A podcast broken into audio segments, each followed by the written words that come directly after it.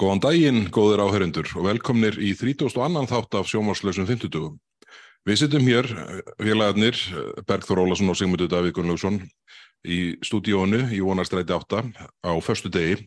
Við ákvaðum að taka þáttinn upp degi setna en svona planið var. Ég ljósi þess að þingið er að klárast í dag, 153. lögjáðar þingið. Það er svona, við, við gætum þurft að gera hlið og upptöku á eftir til að stökku í atkvæðagreyslu en þeir munuð óskup lítið fyrir fyrir því sem hlustið á. En, en Sigmundur Davíð, það er eitt og annað gengið á svona síðustu metrónum og þetta er nú svona mörguleiti svona undarlegustu þinglokk sem ég hef uh, tekið þátt í á þessum sex árun sem ég hef búin að vera náðu þingi.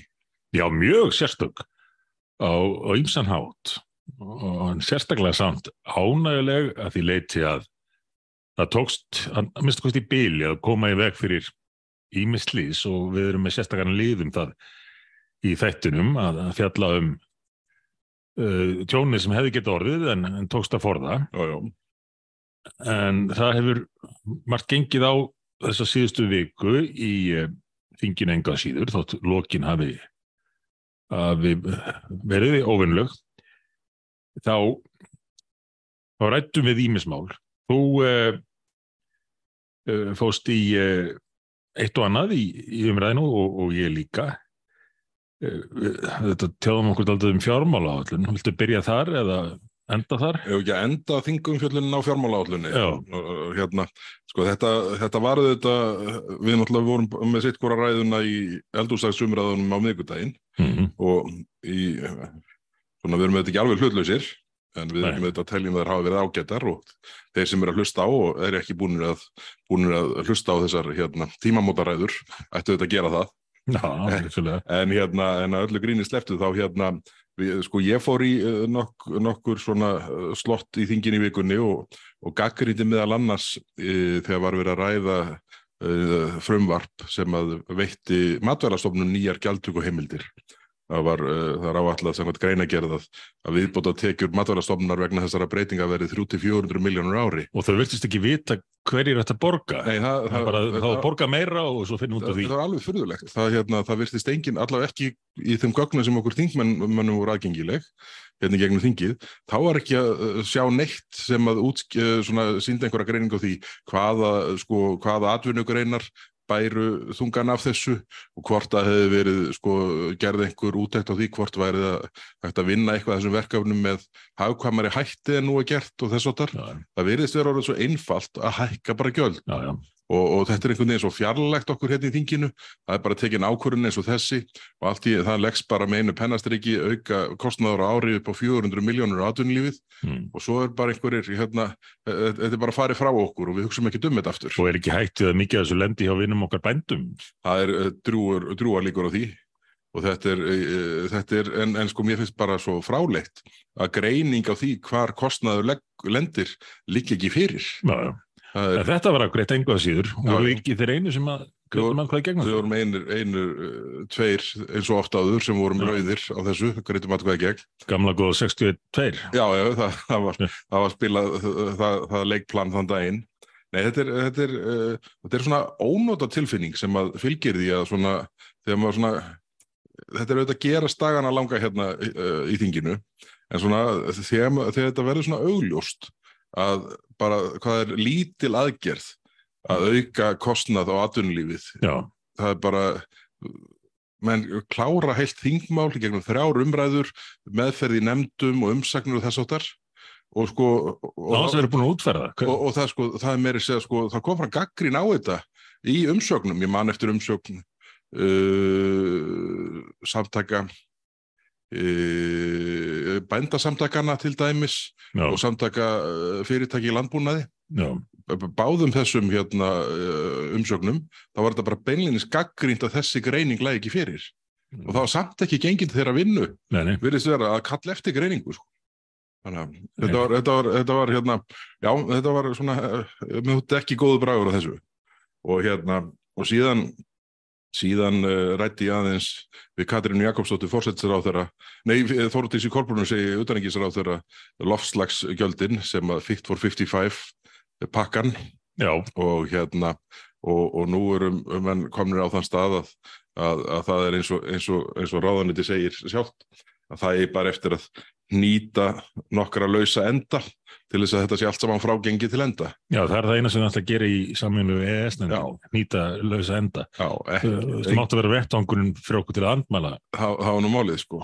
Og, og þannig að ég, ég er hættur um að þetta geti, geti verið enn snúnara mál en nú er þegar, þegar við hérna, þrengir að okkur hvað þetta var þar því að þessi, eins og við nú farið yfir hérna í þáttunum áður, þá, hérna, þá, er, þessi, uh, þá er þessi afsláttur eða, eða, eða auka heimildir í tvö ár, það, svo er sá tími bara búinn og, og við verðum bara í sama kerfi og aðrar eurubutjóðir sem, sem er kerfi sem er þannig formað að það voru nú ekki lítil harma hvein sem heyrðust, því var líst þannig að þetta væri stæðsta hagsmunamál sem komið hefðu, reikið hefðu á fjörur Íslands síðan, síðan samningurum var gerður. Já. Það voru lýsingar þeirra sem núna segja bara, heyrðu þetta, hú, þetta er bara... Afsláttir í tvör, málu leist. Afsláttir í tvör og við þurfum ekki einu svona sko, spyrnaðu fótuminn í ES-nefndinni, samílu. Alveg ótrúlega. Þannig að hérna, þannig að það er svona, sjá, sjáum hvað setur í þeim efnum. Síðan hérna uh, rætti ég aðeins, hérna, eða svona rivjað upp grein frá því í, í fréttablaðinu frá 20. desember 2006 það sem var verið að segja frá uh, dómi varðandi uh, er varðar uh, breytingu á ákvörðun kjararáðs þess tíma varðandi launaðistu embættismanna sem er svipað og við stöndum í núna uh. hvað, hvað var þar að, að, að hérna, stíga inn í, inn í lögböndu launahækkununa sem að, sem að aðstu embættismenn og aldingismenn og fleiri uh, voru að fá núna um mitt ár. Og, og þarna var uh, ríkisjóður, gerður afturrega uh, og sagt bara, heyru, það er, þið getið ekki stíið inn í, þið bara gangið beinleins í berhögu í stjórnarskaruna og þetta snýra dómurunum. Að það, það, það bara gilda önnu sjónamöðum þá hvað það var þar að ringla í kjörunum heldur en, heldur en aðra. Mm. Þannig að ég svona vildi nú svona flagga því að, að, að, að það þyrst að eiga sér stað forsvaranlega greining á þessu. Því að, því að það er búið að raskilla ríkistjónina mismundir á þeirra svo oft undanfarið. Bæði er náttúrulega menn nýbúinir að tapa tapa þarna leðrittingarmálinu uh, þegar laun voru, voru sögð ofgritt og, og síðan eru þetta uh, fjármálar á þeirra búin að fá, fá uh, raskillingu frá umbótsmanni alþingisvarandi byrtingu gagna. Er snúað að hérna, var ekki Íslandsmokkasalan Eh, sem að hérna, Þetta ekki að tala um lindarkól Nei, já, já, já lind, lindarkól já, akkurat þannig að, þannig að þetta er svona ég hef nú svona talið skýnsald að, að, að stjórnvöld færi svona, svona gengu hægt um gleðina dyr í þessum efnum Já. hvað það var þar að fara óvarlega í svona breytingum. Það, það var líka reyndar, voru líka aðtóðsendir varðandi Íslandsbankasöluna. Já, ég, ég, og, ég man ekki hvort þetta var sem að, að umbásmaður var að berja á puttan á. Hann er búin að taka hvort segja fyrir sko og og fjármálaráðandi í, hvað var það, Lindakól tveis að búið að þurfa að uh, breyta afstöðu sinni, mm. en við komum kannski aðeins betur en þá eftir. Uh, hvað gerði ég umræðan í vikunni? Já, ég held nú áfram að ræða skerjafjörðin og flugvöllin. Hvað eru ungu umhverfisvenda sinnaði núna? Það má ekki stinga niður skópl út á landi Já, já. og þá verður allt vittlust en eða snýstum að grafunda flugvellinum grafunda flugvellinum og eiginlega hérna eðilegja ósnortna strandlengju þarna í skerjafyrðinu þá er bara fullkomið þögn. Ég kallaði nú umhverjusráð þennan skerjafjörðargulla í síðasta þætti. Þó ekki alveg vissum að það eigi, en þá við því að hann færði sér fljótlega úr skerjafjörðinum yfir í laugardalinn. Og er að tala um þetta sem við sjáum gerast núna, hérum alltaf að borgin er að samtímis að reyna að eigða grænum svæðum og, og fækka bílum í borginni. Hluti af þessu markmiði er, er skerjafjörðurinn en stóra markmiði þar er þó þetta að var inn að íta flugvellinum í börtu og svo eru bara fleiri og fleiri svona þjettingarreitir uh, á meðan að lóðaskortur er algjör. Já, já. Bara dýrar lóðir sem að þeir sem eiga þær og nýta jafnvel ekki við, við þær aðstæðir sem að núni eru en um, það þarf að hafa í huga að þetta allt saman, þetta byggs borgarinnar börn með bílana og græna betti er stutt af ríkistjóninni. Mm, já, já. Eh, Þú er ekki eitthvað búin gætið ekki nefnum með stuðningi ríkistjórnar.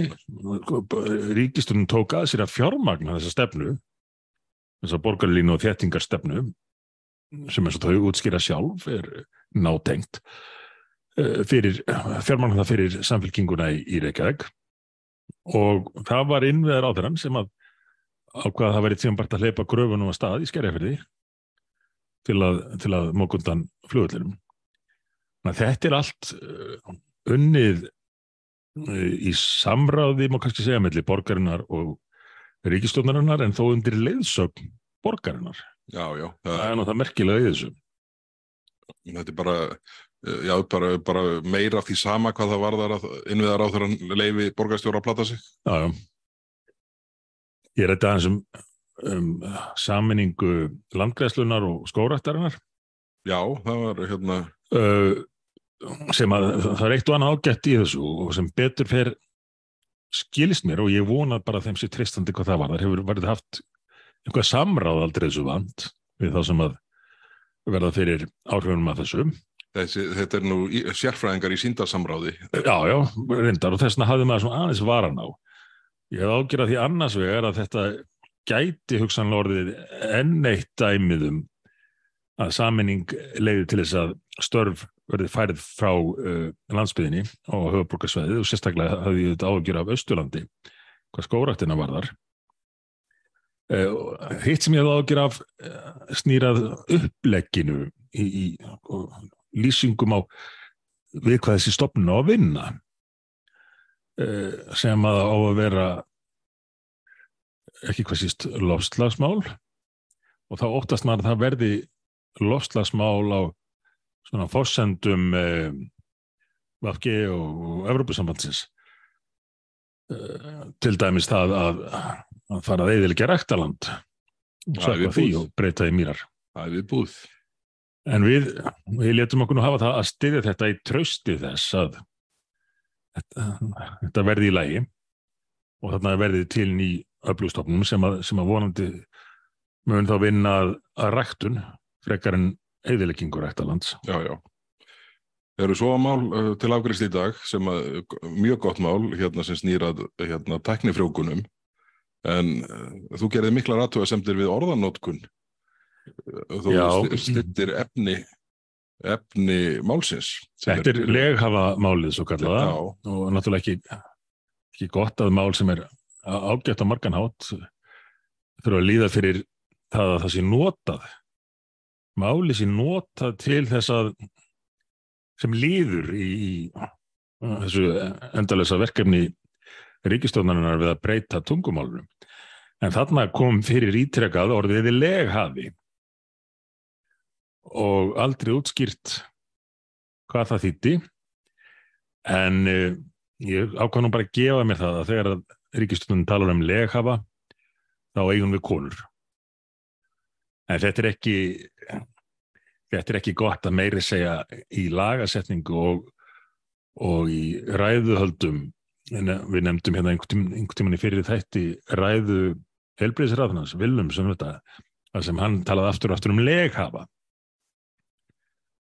En málið sem slíkt uh, eflust ágætt og, og við stuttum það þó með þessum aðtúasemdum því að ef menn bregðast ekkert við, ef menn benda ekki á fárónleikan í þessum endalösu endur skilgreiningum uh, ríkistofnarinnar á veruleikanum þá, þá ágjörst þetta bara. Já, já. En það er aðteglivert, ég fletti núna upp með hérna rétti þessu.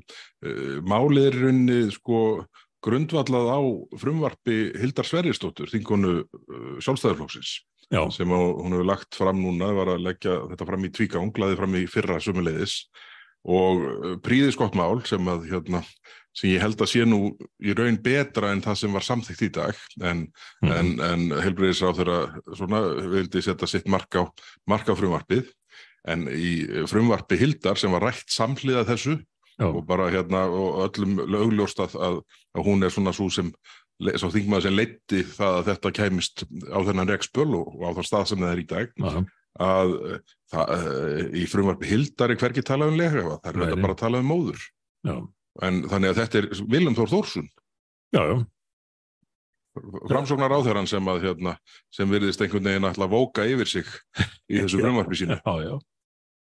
í Og, og, þannig, þannig fór það, þannig var þetta afgreitt með, með þessu undarlega orðavali. Ég, ég er nú hálf svektur, ég var búin að sko svona hælæta nokkrar furðu setningar í greinagerð frumvarsins ég bara glemdi því út í hérna út í að hérna, en, en, en það eru nokkrar setningar sem eru þeirra gerðar að maður bara hugsa bara las enginn yfir þetta? Já, áður en það var sendt inn einmitt. Mm. Svona er þetta.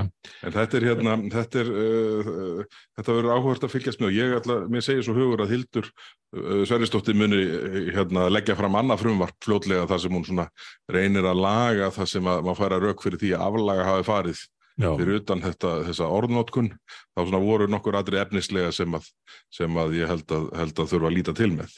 Heyrðu, nú er staðan svo að það er búið að flauta okkur í atkvæðagreyslu, já, þannig að við tökum örstu klé, en þið sem hlustið á, þið finnið ekkert fyrir því, við ítum bara á rekord aftur um leið og við komum tilbaka, já, þetta er svo merkilegt með, þá ætlum ég að fara í fjármála átlunna. uh, fyrst, bara svo ég gleymi ekki, þá þurfum við aðeins að nefna eina glænýju verðbólgu áöllun, verðbólgu átak ríkistúnarinnar. Já, heyrðu, það, það, er, það er ég held að við skulum, við, við tvinnum það saman. Verðbólgu þunnildið sem var kynnt þarna á mánudaginn Mm og fjármála átlunna. Eða drastlið eins og þú kallar það hér rest. Já, ég, ég er nú með smá, smá samvirkubiti yfir að hafa kallað þetta stund verða menn bara að segja hlutin eins og þeir eru. Já, það, þetta, þetta datt upp, um, upp á mér hérna. Já, já, þá er atkvæðagreislunni lokið og við höldum áfram eins og ekkert að við skoriðst. Og hlustendur upplifa það að tíminn hafa bara stokkið Já, í framtíðina. og á þessum sekundum Já, og ég raun bara, ég er um lengum tíma sem leið þarna á milli, var samþygt, voru samþygt ógrinni laga á alþingi. Því að nú er búið að fresta þingfundum.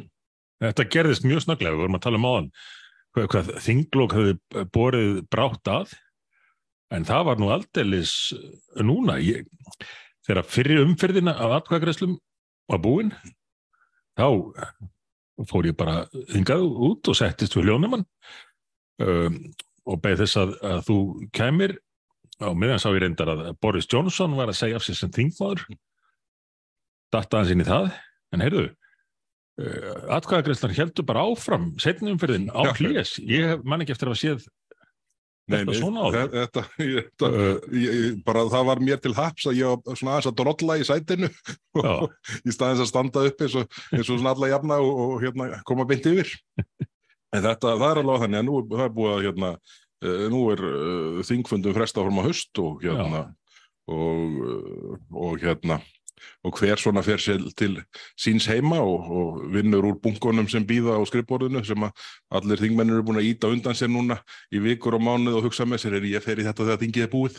Já, og síðan auðvitað bara hérna það að undirbúa þingmál fyrir haustið og, og auðvitað líka bara fara út í kjördæmin. Já, já, það er, það er nefnilega, það er mikill galli hvað það er í raun uh, sko þröngtum tíma hvað það varðar meðan þingið er í gangi að, að sinna kjördæmin almennilega það hvað, er hvað ferðalög varðar. Sannarlega, því að það er að mörguleiti skemmtilegasti hluti starfsins. Já, algjörlega. En, en jafnvel þegar að maður miðar við áallanir þingsins og gerir eh, sín einn plön áform að þá yðurlega breytist staðan. Já, já, og þetta er náttúrulega enn verra fyrir stjórnaranstuðu flokka heldur en stjórnaflokka já, já, þeir svona fyrir algjöra tilvíljun fá kannski svona betri betri upplýsingar um hvernig, hvernig líklegt er að hluti þróist við sjáum bara dagskrá næsta dags kannski miðnætti, daginn áður það er bara uh, síð, já, síðkvöldi þá, hérna, þá sést dagskrá morgundagsins þannig Já. að Já, dag, dag, dag, dagskrá hérna næsta dags og, og þá, þá verður oft upp fótur og fyrt sko hvað það varðar að undibúa og, og, og, og undibúa umræður og þess Já. þetta er hérna þetta er uh, fyrirkomulag sem að jafn ótrúldu það nú er, miðað hvernig þetta er þá hefur það skánað frá því sem var það er svona komin svona örlítill fyrir sjáanleiki svona hvað stórumyndina varðar. Já, svona viku tvær fram í tíman en, en, en það er enga síður. Hann getum við gert tölvöld betur. En þinglokkin, þau bara mjög brattað núna og sérstaklega loka spretturinn eins og, eins og ég nefndi. En það hjálpaði þetta til að það voru ekkert mörg mál Nei, ég held-. Ég held að það hafi nú verið sko það sem orsakar hversu vel þetta, eða svona hratt þetta gengur fyrir sig í gæri og í dag, að það eru þetta meira og mun öllum flóknum málunum slaufað Já, sem að hefðu kallað á flókna skjalavinnslu og, og, og miklar atkvæðaskýringar og umræður í, í gegnum atkvæðagrislu. Já, Þannig, þannig ég held að það sé, það sé nú hérna sennilega skýringin að svona eins og ég kallaði það í eldurstags umræðinni að, að það hefði orðið okkur til haps að ríkisstjórnin hafi gefist upp á sjálfri sér. Já. En heyrðu, Eitt, nef- eitt mál hérna ánum fyrir mig í, í fjármálállina já, sem að var kert hérna í gegnum aðra og þriði umræðir það ekki bara á okkur mínútum var, uh, hvað heitir þetta, þetta mál uh, frá viðreist um uh, kallar bælingar meðferð. já, já, breyting á hegningarlögum. Já, já. Og, og refsirétta nefnd hafði skilað dómsmálar á þeirra og, og þinginu ábendingum um ágalla á þessu máli en menn lítið það ekki stoppa sig. Og þá, þá mér var enn og aftur hugsað til þess sem ég endur tekinn í sífellu hvernig afgræsla hér er alltaf byggð á umbúðum og yfirlistum markmiðum fyrir ekki hann innihaldi máls og raunverulegum áhrifum þess. Að þarna er, er bent á galla á málinu en að því að umbúðunar þóttu svo góðar þá gaf mér sér ekki tíma til að til að laga málið. Og þetta er náttúrulega ekki gott. Og við sjáum þetta oft gerast eh, sérstaklega við þingloka að mál eru kerði í gegn bara út frá umbúðunum og svo koma gallarnir í ljós síðar. En við fylgjumst með þessu máli eins og öðrum og, og hvernig hvernig gengur uh, að eh, að framkama það.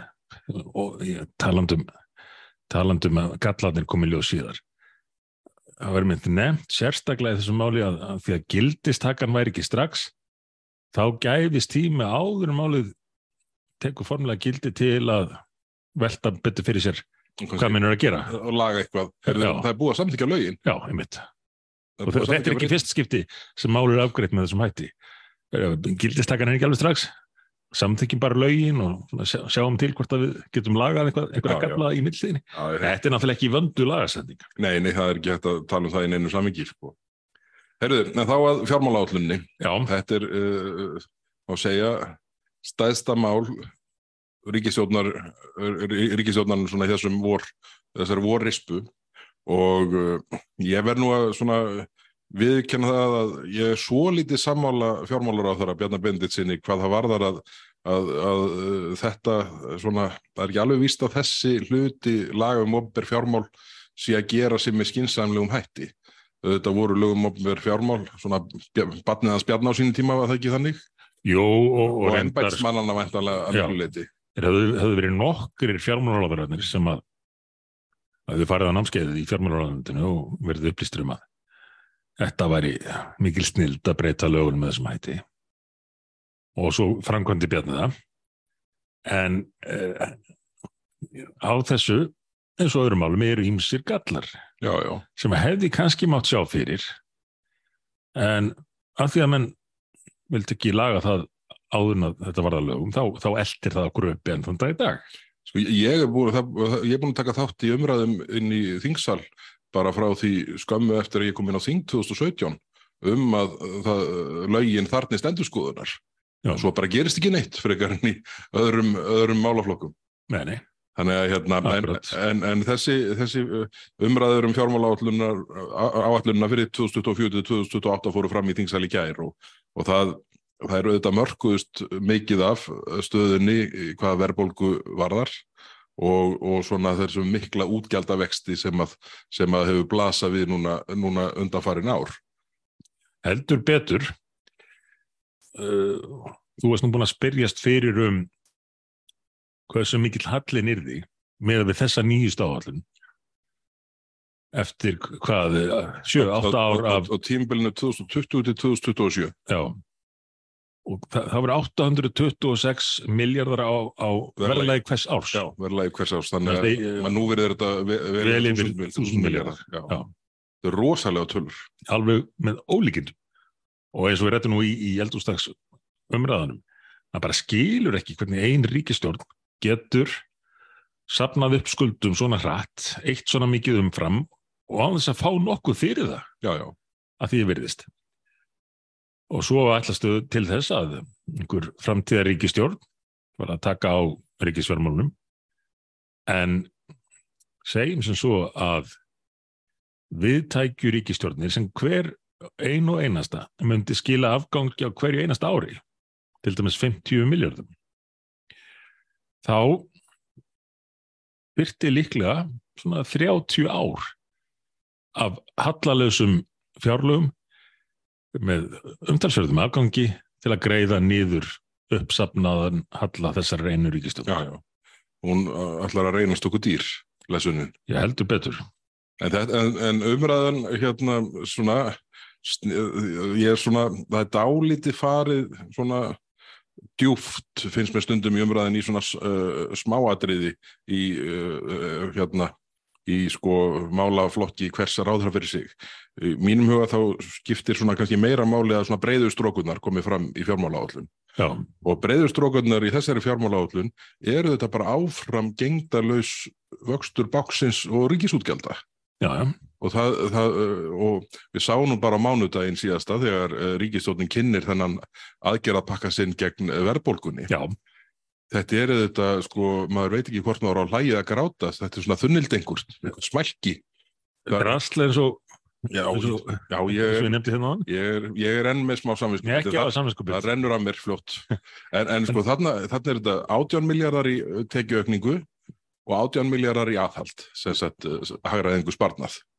En Já. af þessum 18 Já. í hagraðingu sparnað er ekki nema þrýr og hálfur raunverulega í hendi í framkvæmdum já, og það eru framkvæmdir sem er ekki að komast að stað meini. og hitt er bara eitthvað sem að útfæra í fjárlögum í haust og Og þarf megnið ekki af þessu lág fyrir, fyrir laun. Já.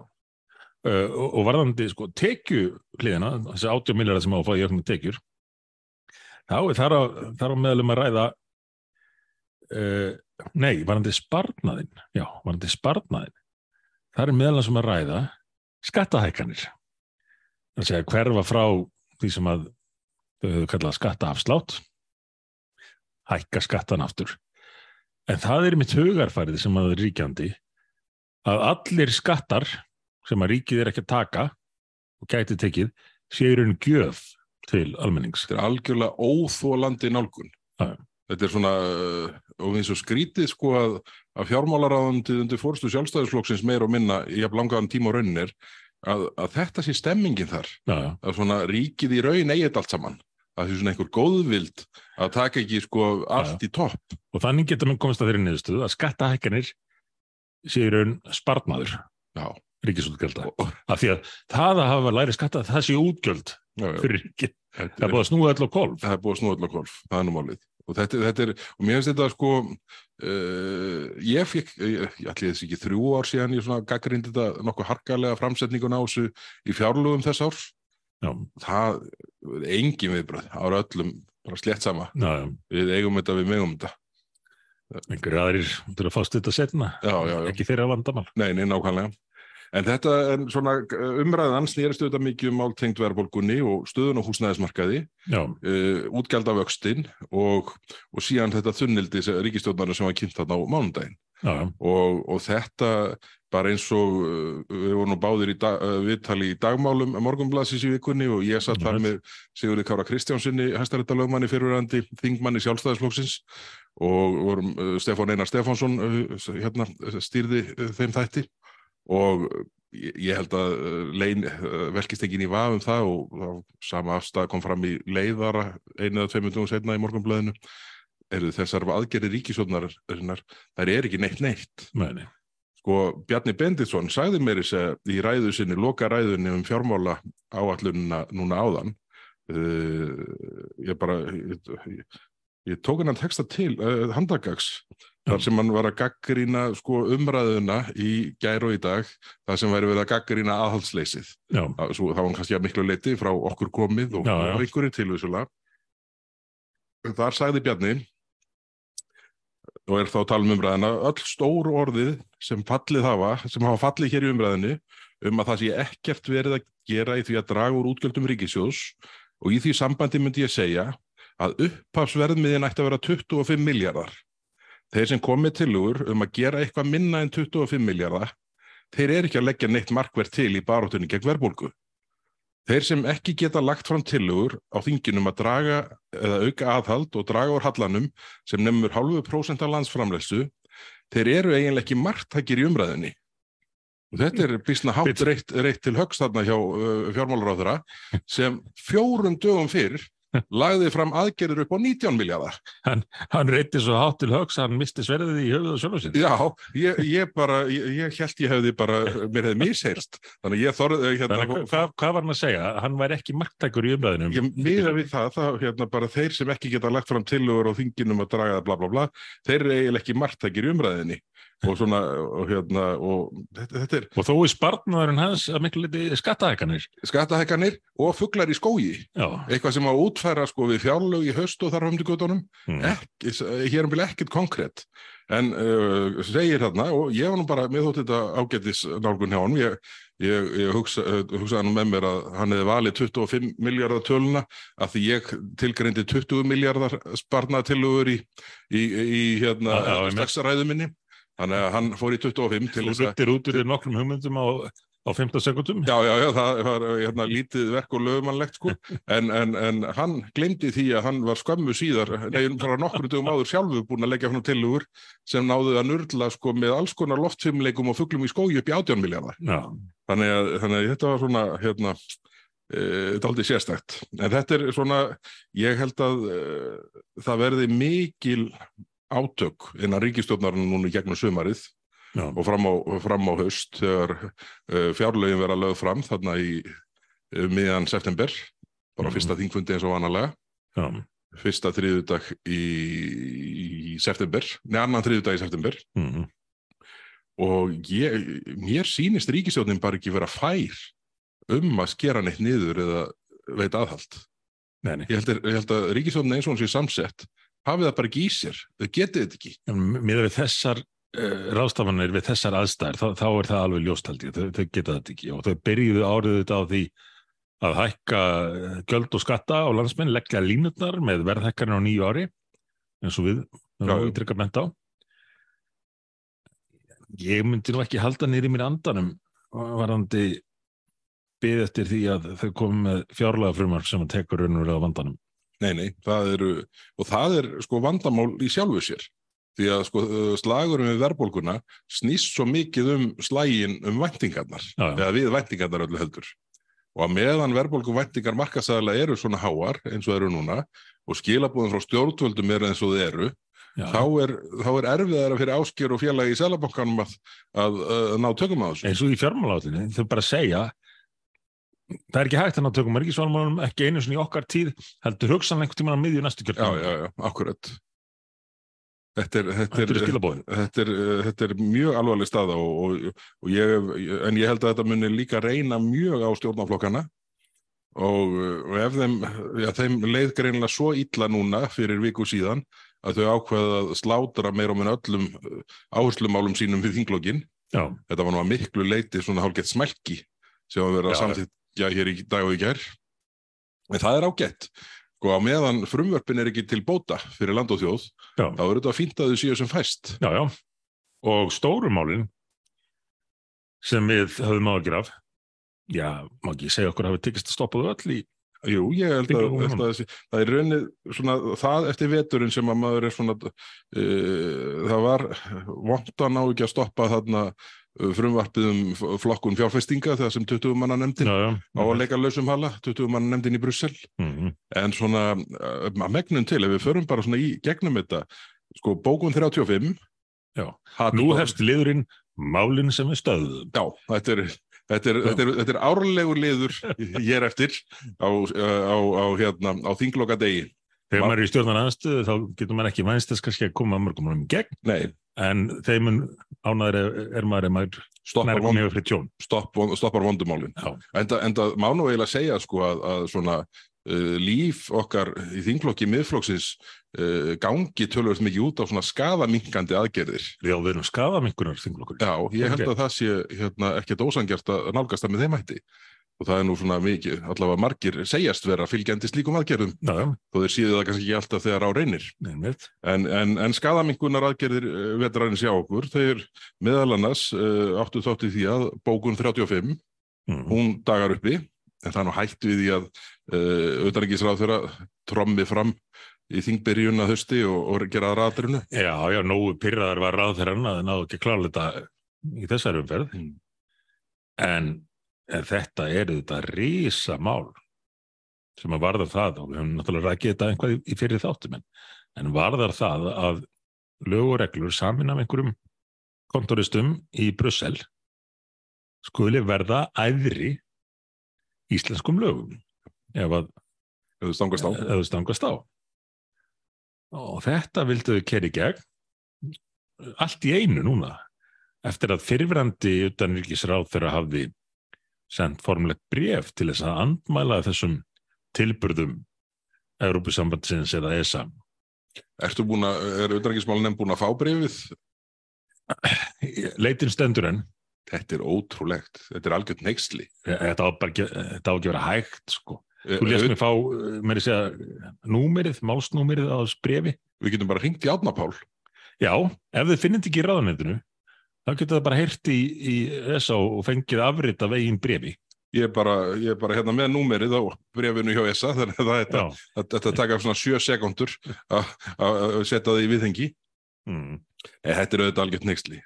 En kannski, sko, ég, ég hef verið að reyna að sækja önnur gögn í þessu máli í, í gegnum þingið, Já. ekki fengið. Nei. Þetta er alveg, alveg ótrúlegt hvernig, hvernig uh, þetta mál átti að vinnast, sko.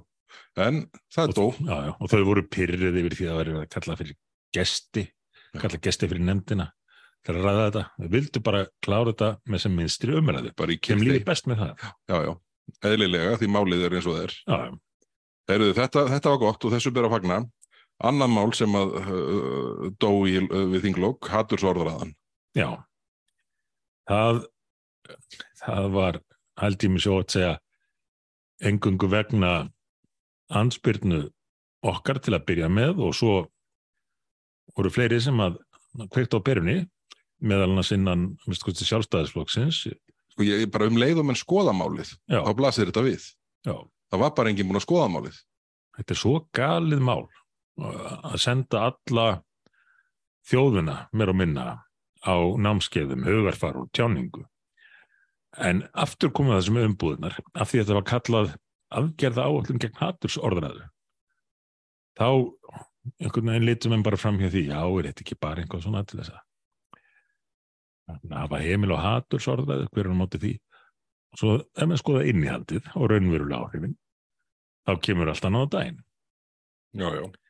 Eins og með svo margt. eins og með svo margt og e, svo sem viðbúið að þetta komin bara fram aftur á næsta þingi En e, sko, nú, nú er það þannig að þingmál hafa stoppað í þingflokkum vinstri, sem þingmál sjálfstæðisflokksins já, hafa yðurlega stoppað í þingflokkum annarkvort vinstri græna eða framsunarflokksins núna í gegnum veturinn.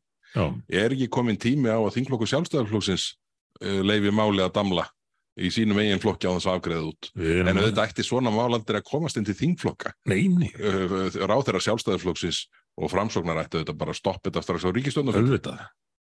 Mál um, um að setja allt námskeið, nei, allt eh, samfélagið á námskeið í vinstri grænum fræðum.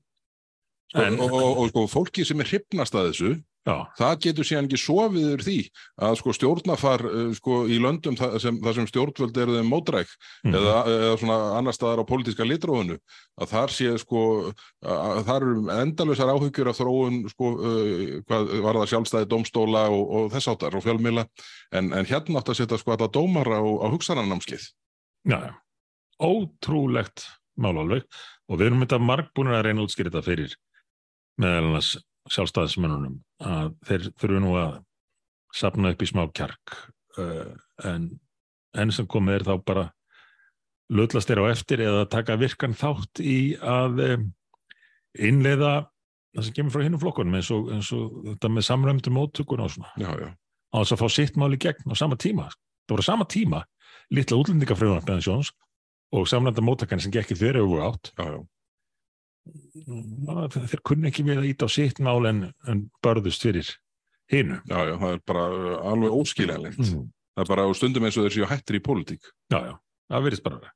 Það er En- næst, næsta mál Já, Hérna sem- það? sem var í rauninni aldrei lagt fram en, Nei, eh, en stóð til að afgreða já, fyrir já, þegar, það var fyrst farið að ræða það og, og, og og, talið bringt. og, það- og það þurfti nú bara svona með handabli að draga málið upp á yfirborðið umræðinni Mm. en það var þetta Fit for 55 uh, uh, lofslagsskattarnir á flugið sem hefðu bara gengið frá Íslandi sem tengimiðstöð Já. döðri Og, og kjör- ráþærarnir voru alveg hinskilir með það. Sko. Já, já, þeir bara, þetta, þetta blasti við öllum þegar, þegar þetta var skoðað. Katrín skrifaði úr súluvinkunni sinni bref og, og það fylgdu með gögn, súluritt og allt hvað en um hvað áhrif við myndi hafa Já, já. og við bara gætum ekki samt þetta. Nei, nei, nei, nei. En hvað gerist svo, segir Heyrðu, nú er hérna, uh, nú verður þetta, var þetta, kynnt þetta samkomulag í ráðarabústanum þegar Úrsula og Katrín Jakobsdóttir stóðu þar og, og hérna, voru, fóru yfir þetta mjög lukkulegar.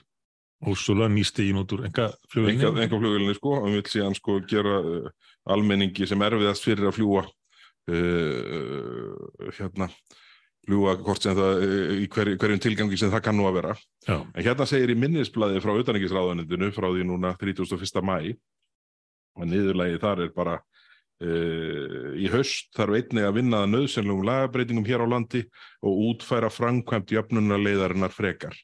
Þannig að nú verður bara sumari nýtt í að, að forma þetta allt saman já, og þetta kyrst í gegn í haust. En áhyggjur okkar og margar annar eru þetta þær að, að þessi tveggja ára greistími þar sem menn fá viðbótar losunarheimildir, Já. hann bara klárast já, og þá er uh, allsendis óvist hvernig, hvernig úrvinnst. Þetta er eflust rétt hjá þér með að, að sumarið verði nýtt í að undirbúa uh, þetta mál og koma, koma með það aftur. Menn munu líklega fljúa í sólina, taka fartöluna með sér Já, já, og velta fyrir sér hvernig þeir geti komið þessu sem best og hraðast gegnum þingið já, já, nokkurætt. að, að heitt fólki sé ekki að fljúa svona mikið. Að svo eru nýjar stopnanir í þessu úthenslu hérna, apparati sem ríkisjónin er.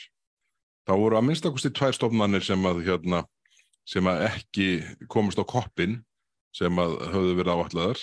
Já, Það er uh, ný mannréttindastofnun og síðan ný mentamálastofnun.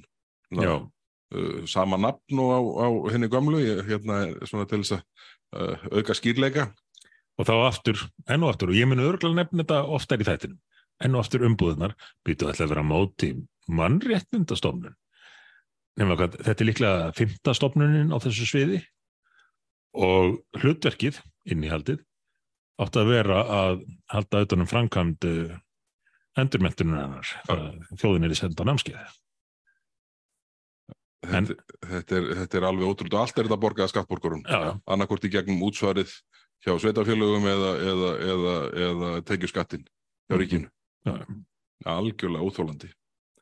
Eru svo er mál sem að hérna var nú aldeilis flaggað í byrjun þings en já. það kom aldrei fram, held ég. Nei, sko við við fórum í uh, fyrirbyggjandi aðgerðir held ég með að segja hvað þetta mál varðar. Þeir vissu að nefn kæmi alveg full force á málið ef að, ef að, ef að það kæmi fram. og það hljóta af að hugsa þetta, fyrst erum í vandræðum með þetta og þetta og þetta þá getur hún ekki verið að bæta þessu við. Við erum að tala um olíu og gas. Bann við rannsóknum. og bann við rannsóknum. Fyrsta skipti í Íslandsugunni sem að lagti fram frumvarp um bann við rannsóknum Já, já. sem segir nú sko, úr hvaða áttmenn er að koma þetta er sem ég svona frumvarp. En uh, lofslagsráðurann vil sagt banna ekki bara er rannsóknir á olí- og gasöðlundum Íslendinga sem hafði verið príðskoðar vísbendingar um að getur verið töluverðar. Landgrunnið hérna uh, norður eða norðaustur af landinu er í raun og það sama og vestur af Noregi fyrir margt löngu þá byrjaði þetta að skiljast að og færast í sig hvar áttina. Og við erum með hluta af þessu sama landgrunni þessum sömu jarðlögum. Og þar voru kláfunur um að við getum byggt upp yðnað á, á þessu sviði.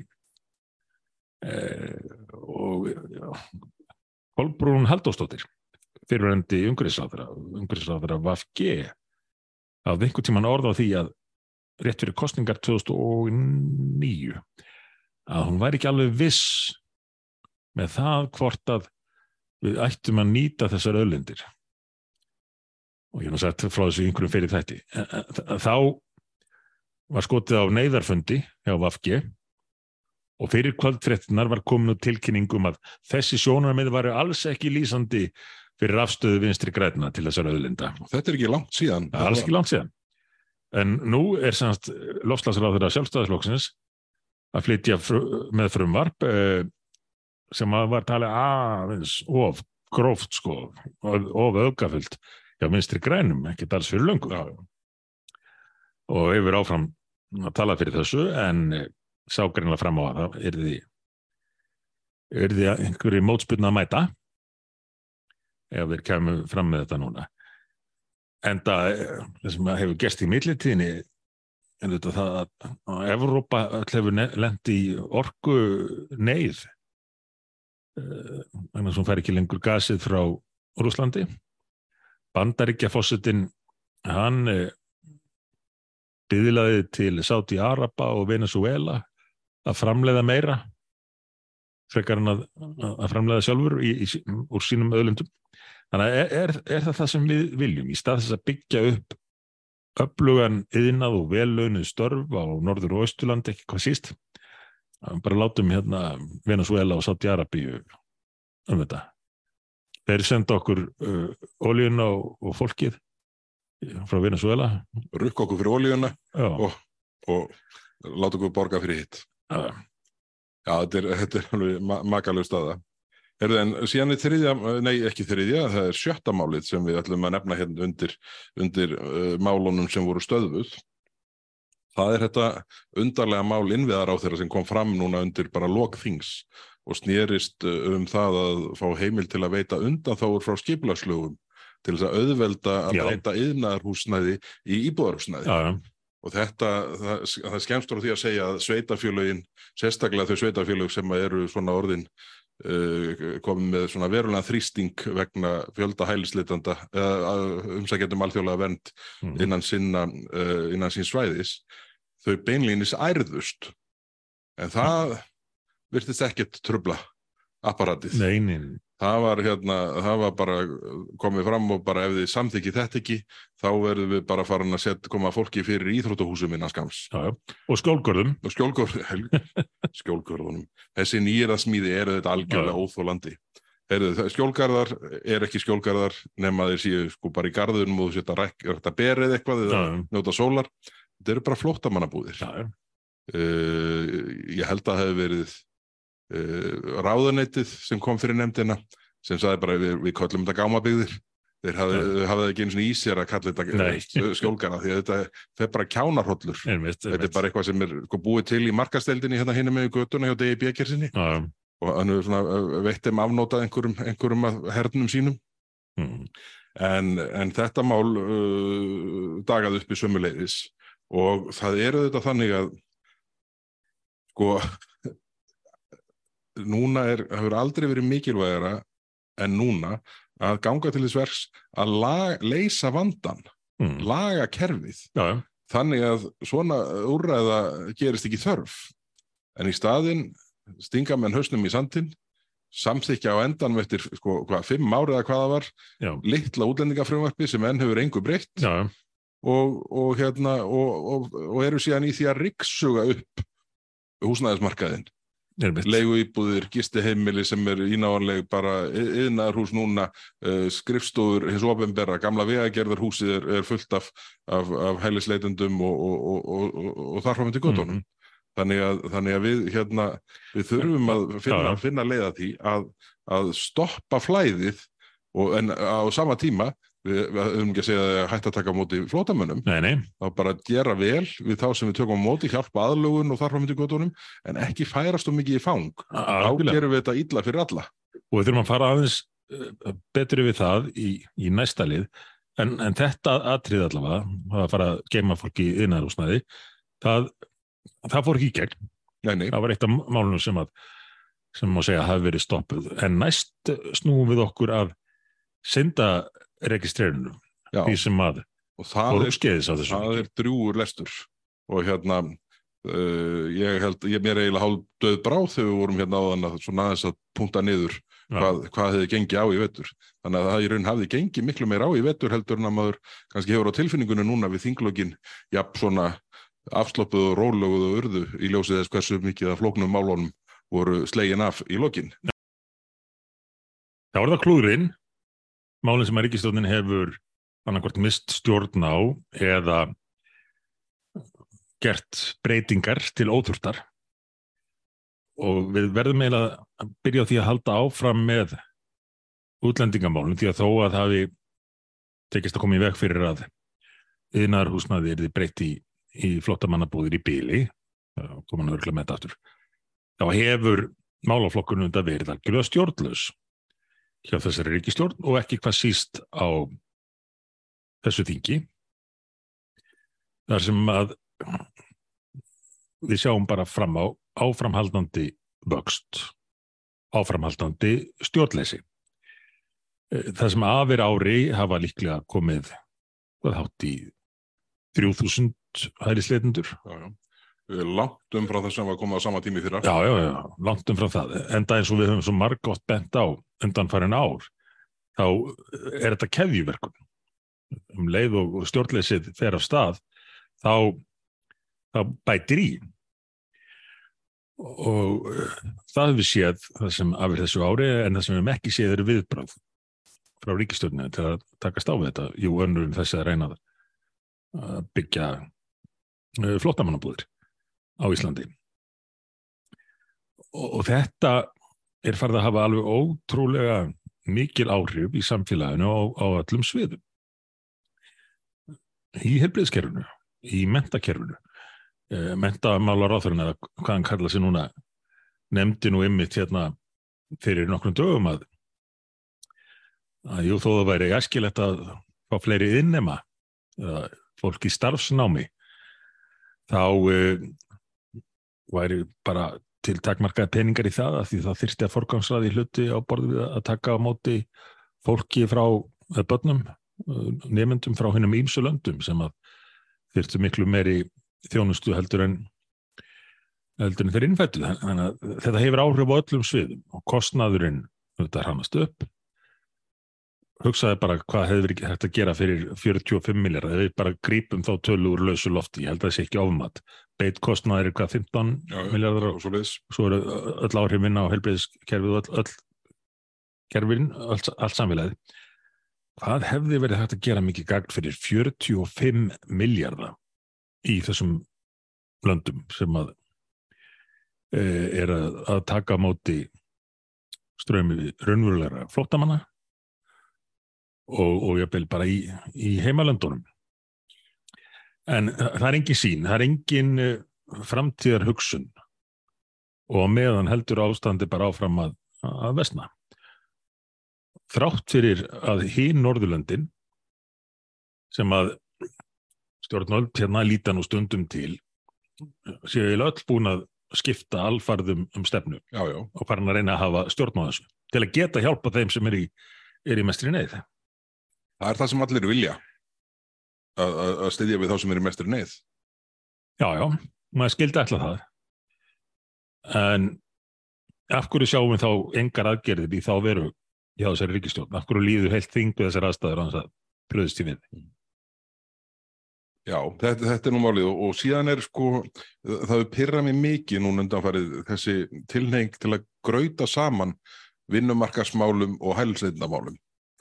Þau formgerðu það nú, eins og sagt er, staðfestu það, með lögum að þessu þingi um saminningu fjölmenningasettus og vinnumálastofn. Já, já, alveg, fullkomlega galin aðgerð. Já. Sko, hérna, uh, þegar, uh, þegar þessi málur er rætt, þá er allir sammálum að mikið gröta þessu saman. En hvað gerir svo ríkistjóðin? Hún beinlinnis verðist að hafa það markmiði að gröta þessu já, saman. Það... Og við heyrum það í hvernig þau svara þegar við gerum aðtóðsendir við já, það já.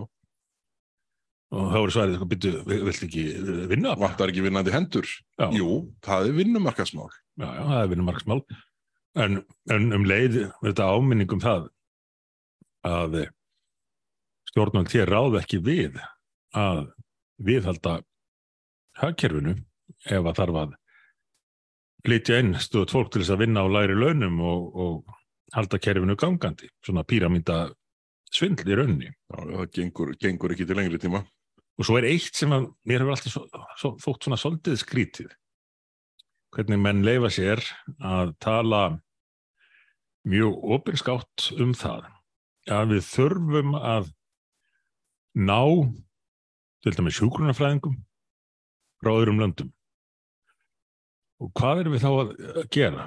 Þá erum við að yfirbjóða, við erum að kaupa fólk sem að önnur lönd og yfirlega og alltaf fátækari löndin Ísland hafa, hafa mentað uh, og, og fá það hingað. Það, það vil svo til ég sá á, ég held þess að það hafa verið á BBC í vikunni fréttum álgert neyðarástand í Ghana. Það voruður búin að byggja stort nýtt sjúkrahús, aðal sjúkrahús landsins, en nú eru þeir í verulegum vandraðum þess að Vesturland eru að senda stöðu gilliboð Mm -hmm. á starfsfólkið, hjúgrunafræðingan eitthvað síst og náðum til sín. Og er þetta alveg, er þetta já, til margsum um góðmennsku hjá okkur ef við erum farin að arðræna önnur lönd með þessum hætti. Því að hver er mikilvægast aðlindin? Er ekki alltaf að tala um að fólkið sem mikilvægast aðlind hvers lands? Og viljum við arðræna önnur land ha- hafa af því þá mikilvægu auðlind fyrir uppbyggingu samfélagsins sem, sem fólkið er. Þetta er svona eitt af því sem að má helst ekki ræða og enn eitt merkjum það að menn segja einhverja hluti á þess að hugsa lengra en bara það skref sem þeir eru að taka hverju sinni.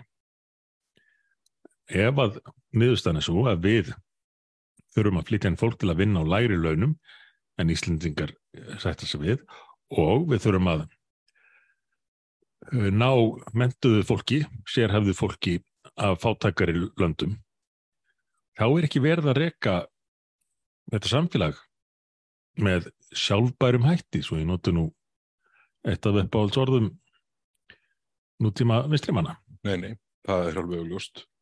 En þetta er, síðan var uh, annað sem snýri að útlendingamálum sem kom upp núna sem að hérna snýri að veitingu ríkisborgarréttar. Já, Það er búið að vera, ég hef nú haft á reglu síðan ég kom inn fyrir utan einu sinni þá bara á ég út af henni en ég hef alltaf setið hjá við afgreðslu uh, þingmáls hver uh, tvisvara ári þar sem hefur verið að veita ríkisborgarrétt og, og ekkert að því að ég hafa eitthvað á móti þeim einstaklingum sem þar hljóta, uh, hljóta íslenska ríkisborgarrétt heldur bara fyrirkomulagið, hvernig þetta er gert er algjörlega fráleitt og og það er náttúrulega búið að vera komin í ljós.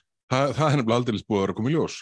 Og ég, hérna, ég taldi það, ég held að það hafi verið hitti fyrra, fyrra, að það væri búið að ná samkommalagi um að breyta þessu fyrirkommalagi þannig að það er eina skipti sem ég greiti atkvæði með tilugunni, bara í, í ljósið þess að þetta er í síðasta skipti sem þetta er gert svona.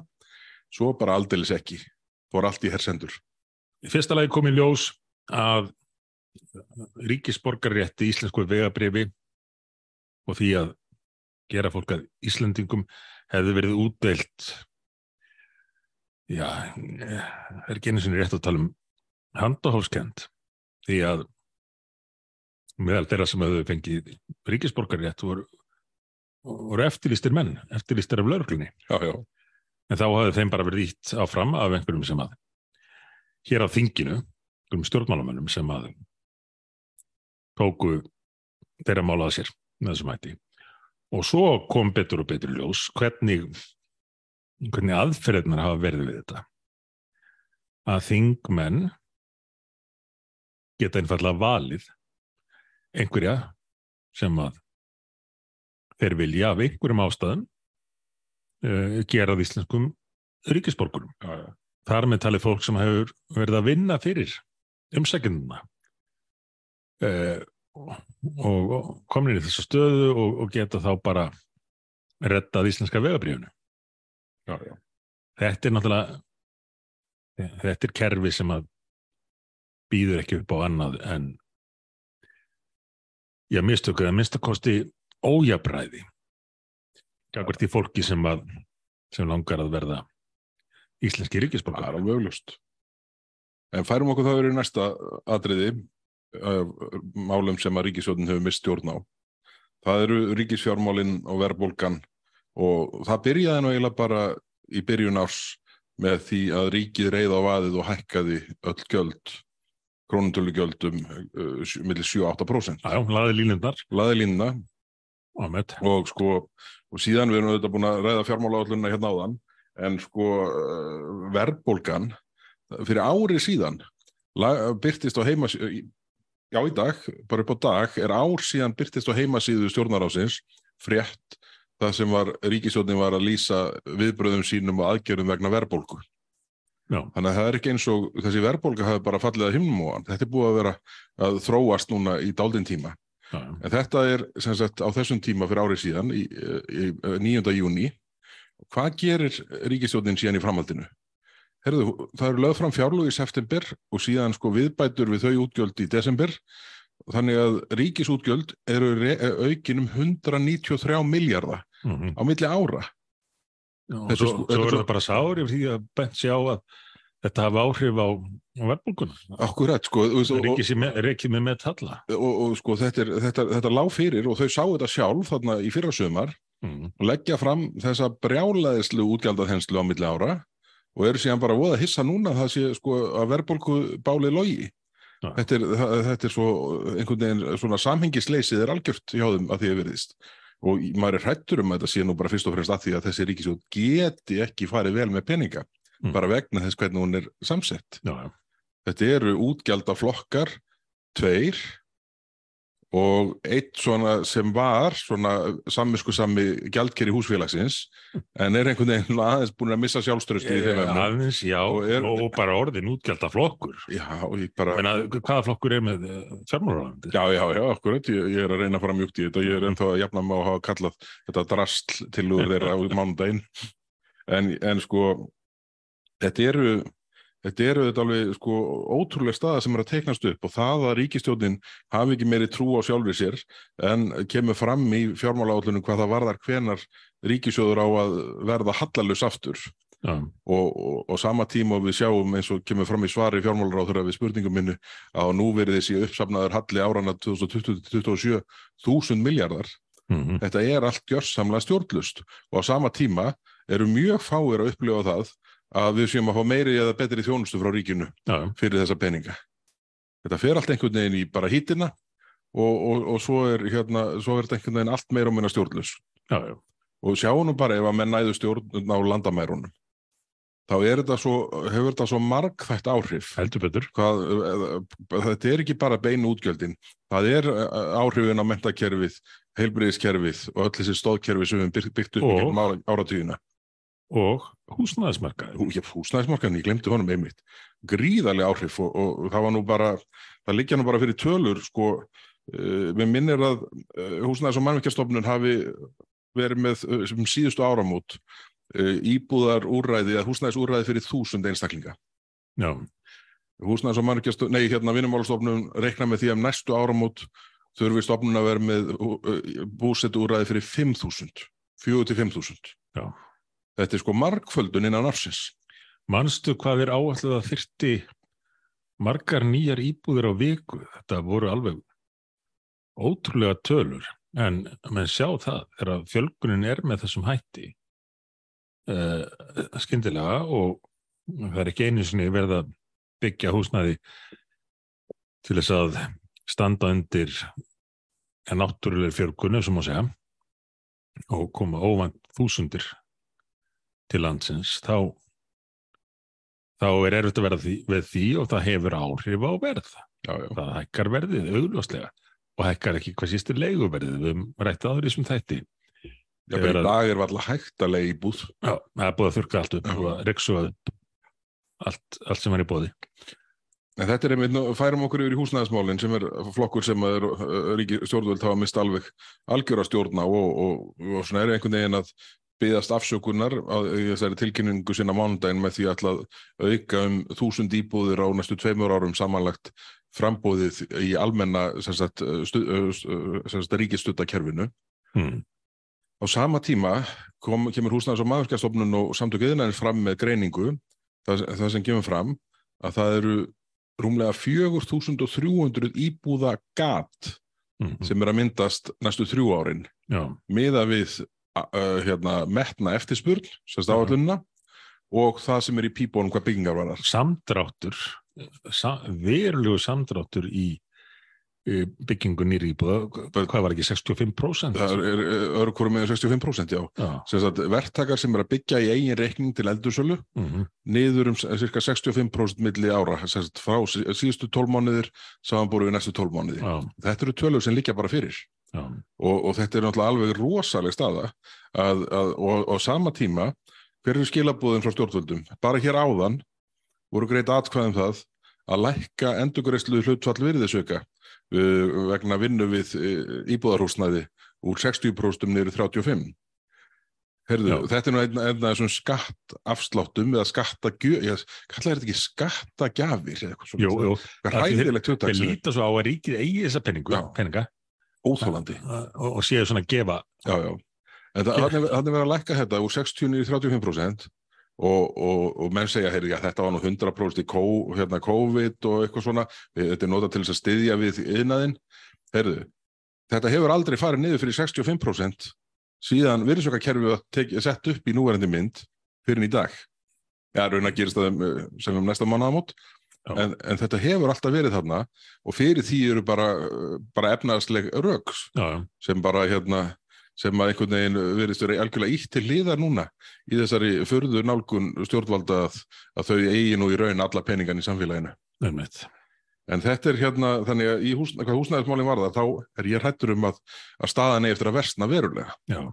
Og, og bara hérna, og því miður ekkert og svo horfum við á sko, skort á lögaframbóði, við horfum á uh, svona dýrar í fjármögnun, uh, fórstjóri Jáverks uh, uh, var á kem, fundi núna fyrir alls ekki þrjár vikur, þrjár kannski fjórar, það sem var að lýsa því að byggingakostnaður við meðal í búð hefði hækkað um 7 miljónir.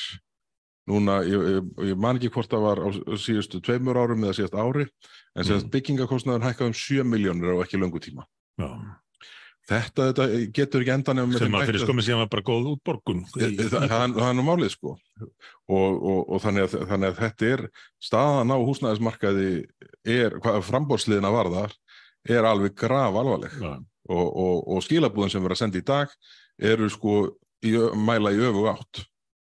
En þetta er hérna uh, og síðan uh, við skulum ekki fara út í sorgarsuguna hérna í Reykjavík hvað þetta varðar allt saman en síðan hérna, en í þessu samhengi sko þá eru þetta borgarlínan og þéttingastefna Reykjavíkuborgar já. Og stór vinnurðin úr dagmálum Sigurður Kári, hann, hann vildi Olmur vera að byggja þarna skerjafyrði já þetta er komið mjög ég, og ólíkt eh, meiri segja ég var svo hissa, ég bara, ég eiginlega fipaðist en það, það er nóg landrými. Það vantar ekki land í Reykjavík. Aldeilis ekki. En þe- þessi áform hann í skerjafyrðinum snúast náttúrulega bara um að íta flugullinum í burtu já, já, sem búið að vera langtíma planið. Já þessari borgarstjórn og forverum hennar eh, ég held að sé komin 20 ár og ég teiknaði kortið af umhverju Reykjavíkuflugullar og síndi ef ég mann rétt í Kastljós þætti hvernig borgin væri búin að skipulegja það að þrengja flugullinum jæmt og þétt til að koma um í burtu og þetta er stór liður í því. Og þrátt fyrir yfirlýsingar um að þarna er, er það ekki leift að byggja ef að það hefði einhver áhrif á rekstrar eða flugöryggi reykjavíklugullar þá einu sinni sem oftar var bara gefið eftir. Já, já. Þrátt fyrir ljós kemur að auðvitað hefði þetta áhrif. Vittu til, það verður eitthvað gert núna í júli hmm. þegar allir er í suma frí og enginn er að fylgjast með fréttum. Þá gera þeir einhvern óskunda einmitt. Þeir byrja ekki að móka, móka þessu uh, svona fara að keira fyrstu af þessum 13.000 uh, trailerum af menguðum jarvegi í burtu? Þetta er bara eins og með, með borgarlínuna uh, kerfið bara heldur áfram á sinni braut. Saman hvað kemur í ljós með kostnað og annað slíkt. Og þetta kostnaðin við borgarlínuna stórkostlega vannmetin, það vita það allir. Já, já.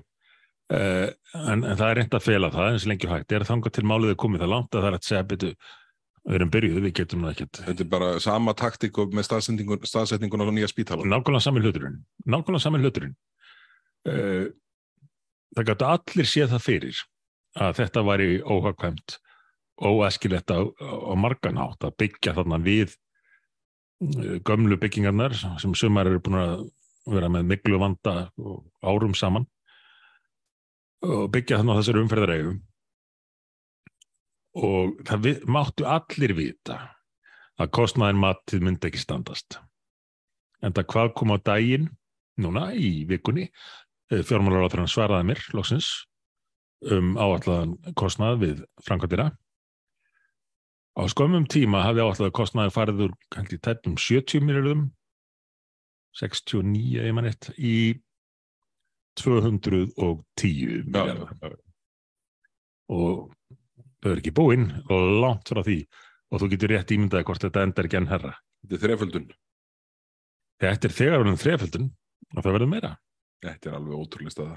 Og enn eru menna átt að sá hlutum sem var var ekki eh, gert ráð fyrir þannig í þessu. já, já, Það er alveg óskiljanlegt. að að það verður búin að nefna einhvern tímann áður að því þetta snýst allt um umbúðunar ekki innihald Já, já. Heyrðu, færum okkur í orkumálin. Það er allt í tómurugli. já hvað er viltu byrja á því? Sko, við náttúrulega, það blasir við öllum nema þeim sem eru kannski lengst í vinstri og, og halda að við getum lifað sér samfélag og því að vera í gjörningahópum og tína fjallagrös Já, að eh, það vantar orku. Ísland er hér um bil uppselt orkulega séð. já, já, Partur að þið eru auðvitað veikbyggða lína og dreifikerfi sem hefur ekki verið fjárfæst í eða viðhaldið með forsvaranlegum hætti. En burs, jafnvel þó það væri lagi, þá eru við að verða á svo miklum tækifærum, dagana langa, vegna þess að uh, orkuöflun hefur ekki verið sýnt. Og, og þetta er á fleiri sviðum, sjá nú bara heitavaskortin hér sem við upplifðum í kuldakastin í fyrravetur. Það hefur ekki verið sóttur nýr dropi, ég veit ekki hvað lengi á við um orkuveitur Reykjavíkur. einmitt Þannig að þá endar þetta auðvitað bara svona. En, en hvað, hvað raforkuna varðar, þá erum við náttúrulega, sko, hérna, rammaáallunin var samþykkt þarna í lokþings í fyrra. mm. Hvað hefur gert síðan? Síðustu fréttir er bara að, að, hérna, að sveitafélagin á Suðurlandinu er að spyrna við fótum gagvart, gagvart virkjunum í, hérna, í Þjórsá já, og, og það er einhvern veginn menn komast ekki áfram með neitt og hvort að það er ást, ástæða þess er, samsetning ríkistjórnarinnar eða hvað það er það eru það er einhvern veginn uh, ekkert sérstaklega bjart framundan þykir mér. Á, á sama tíma við ættum að vera að bóra og bóra og bóra eftir jarðhita já. og, og virkja síðan alveg á full drill baby drill eins og þeir segja drill baby drill nákvæmlega og, og virkja hérna fallvötnin þessum, í þessum uh, hérna verkefnum sem eru innan ramma átlunar já, já. En, nóg, nóg er á þeim. En sjáðu hann til. Þau viðurkenna þó að svo orka sem hugsanlega verði til og eins og þú lýsir ekkit fast í hendi með það en þó, þó svo orka sem hugsanlega verði til hún muni öll fara í orkuskiptinu þetta er alveg ærandi þau uppgötuður endar semt um síður að til að ráðast í orkuskipti að losna við olíu og, og annað þá þá þyrti nýja orku. Þetta rann upp fyrir þeim hérna á þessu eða sent á síðasta kjörtjambili en þau eru að segja að ef það tekst að búið til nýja orku umhverfisvæna orku eins og við viljum þá fari hún öll í orkuskiptin um fyrir sjónulega framtíð. Engin ný orka í ný verkefni nýja verðmætasköpun og ég hef sérstakar ágjur af þessu varðandi landsbyðina af því að þar hafa orkuverkefni, raunveruleg framleiðsla oft skipt sköpum fyrir samfélaginu. En nú er ekkert um það að ræða bara næstu áratvíina með að við þetta matra. Nei, nei, það er, það er staðan. Og ofan í þetta allt saman sjáum við síðan rugglið í kringum aflátsbrifin, Já, uppbrunna vottorðin, eins og það heita á teknimáli. Og ætlar þetta engan endi að taka á og það, þegar þessi uppákoma var hér, hvað fyrir núna þremmu viku síðan eða svo, Já. þegar uh, einhver kontoristi í Þýskalandi, verkarinn eða Brussel eða hvað sem hann satt, eh, lokaði á sölu íslenskra uppfyrunavottorða. Mm. Ég hef ekki séð við líka harma kvein frá til dæmis landsvirkjun í neinu öðru samhengi. Þetta virðist vera miklu alvarlega en það að fá ekki að virkja virkjunarkossin er í Já, ramma. Nei, Þetta var var sko tilefni til þess að setja sko Einmitt. bara allt í bara háa loft. Já, já, Bara, heyrðu, það er búið að stoppa aflátsölu brefin. já. Nei, sölu aflátsbrefa. Að því einhver fyrirtæki leiði sér að segja satt á þess að borga sérstaklega fyrir það, Já, að fá að lýsa sannleikanum. En, en heyrðu, nú, nú er að, að vera til ný, alls konar ný aflátsbref. Það nýjasta er að, að, að nú er ég búið að kaupa uh, staðfestingu á, að þú sett með, uh, hvað kallar það, regnbóavænan uh, vinnustað eða einhver slíkt. Er þetta málingaverslun harpa eða? Já, maður skildi ætla á það. En, en þetta er, held ég að við um samtökunni 78 ö, ö, um það að mann getur keift, það getur sagst vera uh, vætn vinnustæður fyrir samkynniða. Gott og vel, ég held reyndar að nánast allir vinnustæðar á Íslandi séu það. Hef haldið það. Og ég ímynda mér að ef ég væri samkynniður þá þætti mér þetta nú svona tiltölulega bara óviðeigandi og óþægilegt að ætlast til þess að vinnustæðir þurfi að fá sérstakt vottorðum að, að samkynniðum sé óætt að vinna þar eða þeir séu þar í örugu starfsöngur maður getur reynt að setja sig í spór fólksins.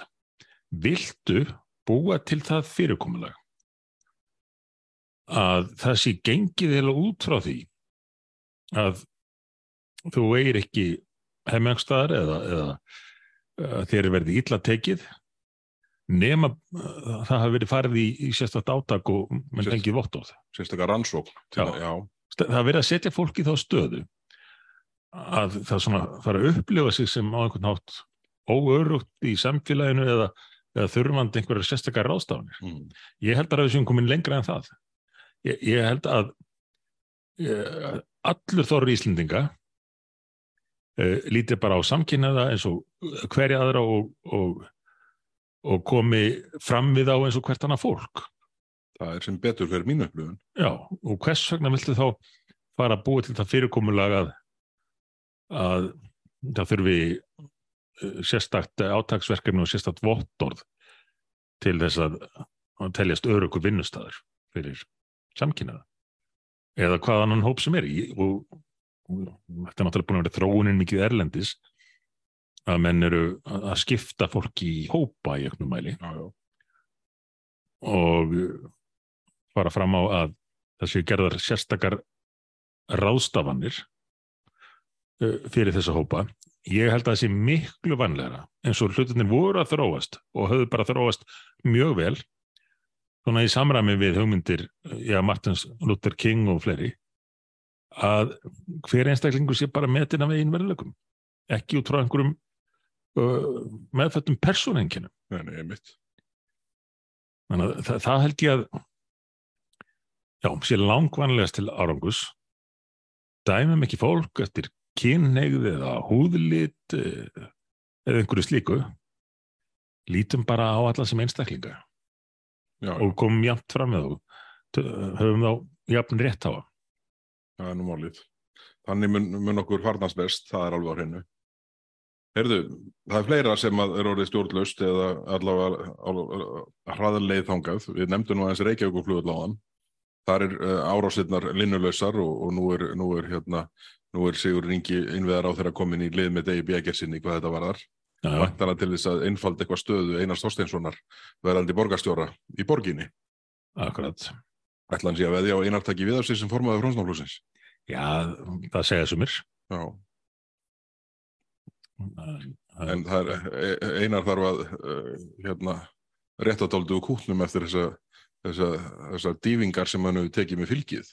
Það, Já. er, það daldið að fara úr átjánpróstum niður í hvað fjögur kom eitthvað. já, hlæðis, mann ekki nákvæmlega hvað það var en það var, það var hrjöðfróun. Já, þannig að hérna, það verður áhugavert að sjá en, en það er, það er bölvað ef, að, ef það kostar flugvöll Já, að, að, að- styðja við nýjan borgarstjóra. einmitt, einmitt. Síðan eru hérna, uh, hann er ekki flugvöllur en þjóðarhöll. Hvað varðum þjóðarhöllina? Já, er þjóðarhöllin? Erstu með kenningar? Það er búið að halda svo marga blaðamann að fundi að menn ég bara beði eftir fyrsta leik. Þjóðarhöllin, já. Eða kostningahöllin, eins og mætti kalla hana, því hún var fyrst kynnt nokkrum dögum fyrir borgarstjórnarkostningar. Þegar tveir ráðherrar, uh, fósittisráðherran og ég man aldrei hvað þessi ráðherrar heita núna, hérna, íþrótta og menta og eitthvað svona, barna. Ba- ba- Já, bara ásmundur einar Daðarsson. já, já. Lét sig hafa, hafa í það að auðlýsa Dag B. Eggertsson fyrir því að tilkynna með þess að þjóðarhöll í, í Laugadal. Einhver hafði dröslað borðum þarna á einhvern göngustíg og þar var settur upp kynningafundur. Svo var sýningin endurtekin uh, skoðum síðar og eða nokkur síðar einmitt er að HM í handbólta væri gangi. Já, já, stemmingin, Þetta- með, stemmingin með okkur núna strákar. Við viljum vera, fara með borðið aftur niður í Laugadal. Þetta er allt svona. Það er sólandi, logg. Já, já. Og, og, og þess- þessi höll átt að rýsa og og svo kli- klippt á borðan rétt fyrir næstu alþingiskostningar. Það gæti klikkað. Já, það geti klikkað, ég, það er eiginlega að lýsa Ég- því yfir það muni klikkað Ég- því að það er ekki ekkert ummynda í fjármálaállun. Ég man að að gefin út sérstöku yfirlýsing um það að tímaállunum væri raunhæf. Það var raun- raunaf, já, já, já. Og ráðferðan ítrekkaði það hérna í þinginu meðal annars í svar við fyrirsputtinni ef ég mann rétt. Já, já, já. Þetta er, þannig að þjóðarhöllin er tínt. Síðan er hérna, Þetta er svona alvahöll, hún er ósynnileg. já, já, við, síðan eru þetta, hérna, þetta mál sem að var nú alveg agalegt og eiginlega alveg bölvað að við næðum ekki að svona uh, rífa enn og betur upp á yfirborði hvers slags rugl var í gangi þannig að einhverjir í stjórnarliðinu vöknuðu.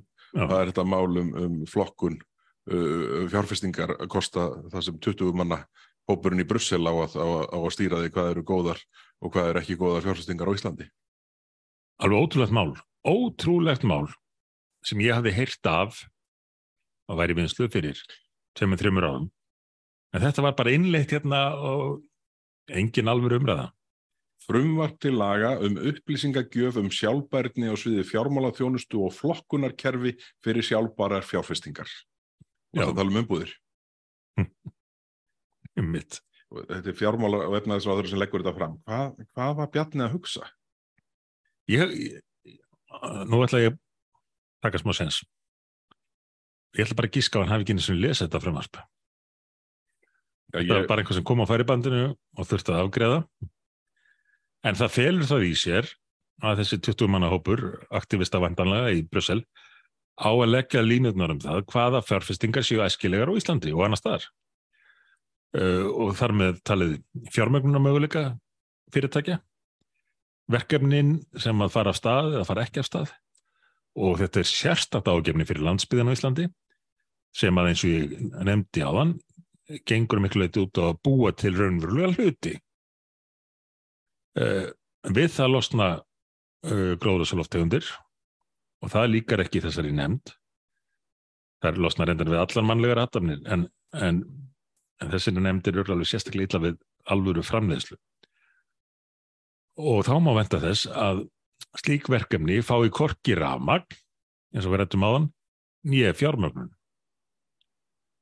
Þannig að þetta er and uh, þetta er and uppbyggingarmál þetta, en sérstaklega and landsbyðamál. En að þú talar um flokkun uh, í þessu tilviki verkefna og umbúðir uh, þá má nú nefna flokkun umbúða. Nei, ég, glemdi. Já, Já, uss. Tetra Pak. við vissum þetta alveg. Við, ég er ekki því við höfum einhvern tímann rætt þetta hérna áður. En þetta er, það er mikil umbúða mennska í kringum umbúðir. Og þetta er sendt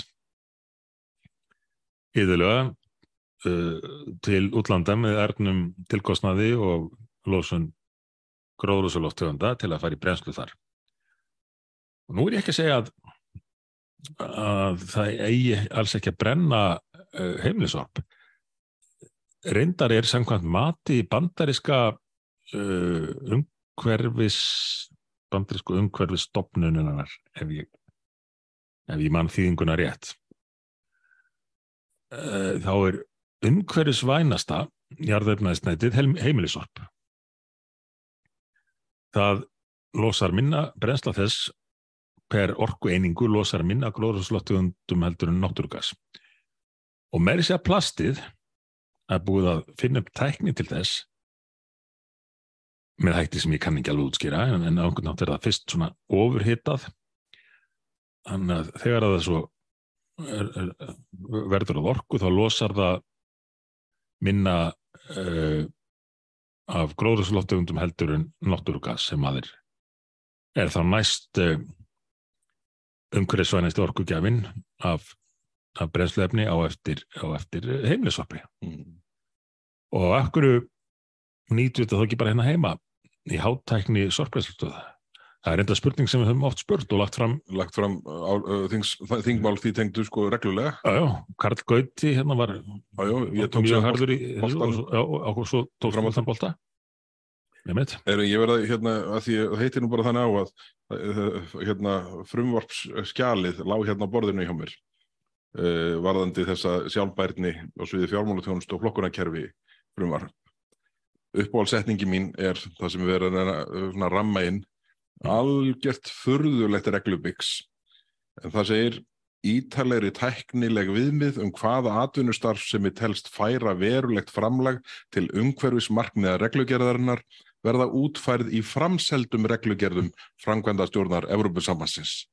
Þú verður að lesa þetta aftur, ég detta hans út þannig ítarlegri tæknileg viðmið um hvaða atvinnustarfsemi telst færa verulegt framlag til umhverfismarkmiða reglugerðarinnar verða útfærið í framseldum reglugerðum framkvæmda stjórnar Evrópusamfansins. Framseldum hvert? Nei. Til annara kontorista. Þarna, ja, er það 20 manna hópurinn eða sko þetta er og svo erum við hissa og við höfum haft áhugjur á bókun 35. Mm.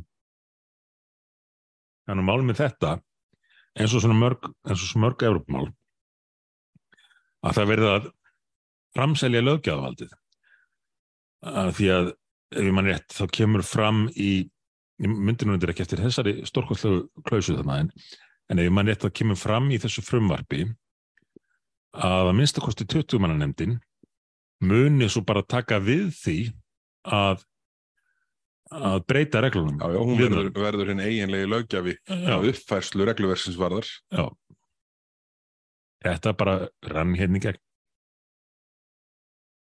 Alveg, alveg ótrúlandi.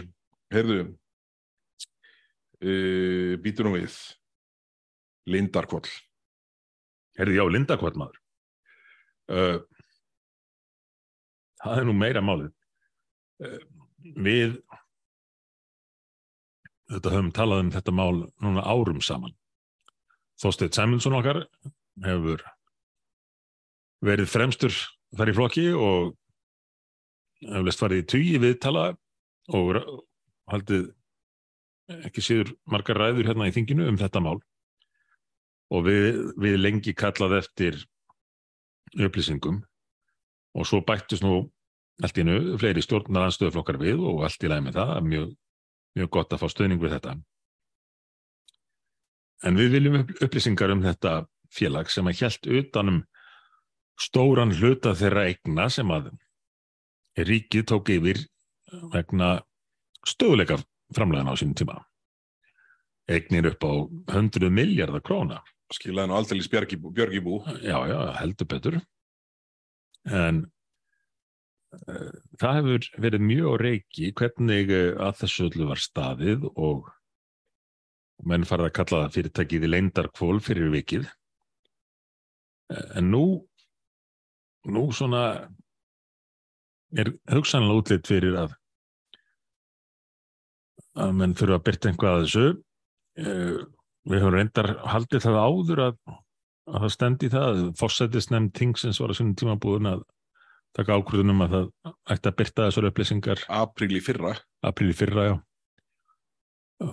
Og svo var því einhvern veginn frestað viku fyrir viku og, og svo vonast til þess að menn myndu gleyma því en nú er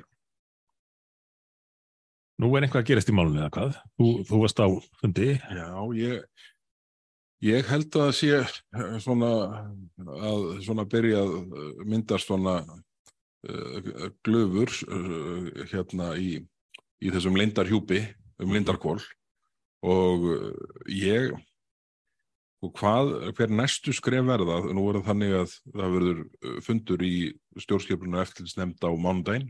Já, þar sem þetta mál er á dagskrá. Ég á svona eftir að sjá hvað, hvað hérna hvað efnisadrið verða til umræðu þar.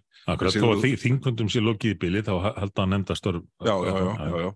En, hérna, en Sigurður Þórðarsson mætti á fund stjórnskipunar eftirlitsnefndar í síðustu viku, nei, núni vikunni. Já. Það var mjög, mjög áhugaverð heimsók sko, þó að maður fær ekki kannski í efnisadriði En þar sem þar var rætt á lokuðum fundi. En uh, ég ég er eiginlega alveg viss um að, að uh, þetta mál það er ekki bara að það sé ekki búið heldur sé svona ballið rétt að byrja.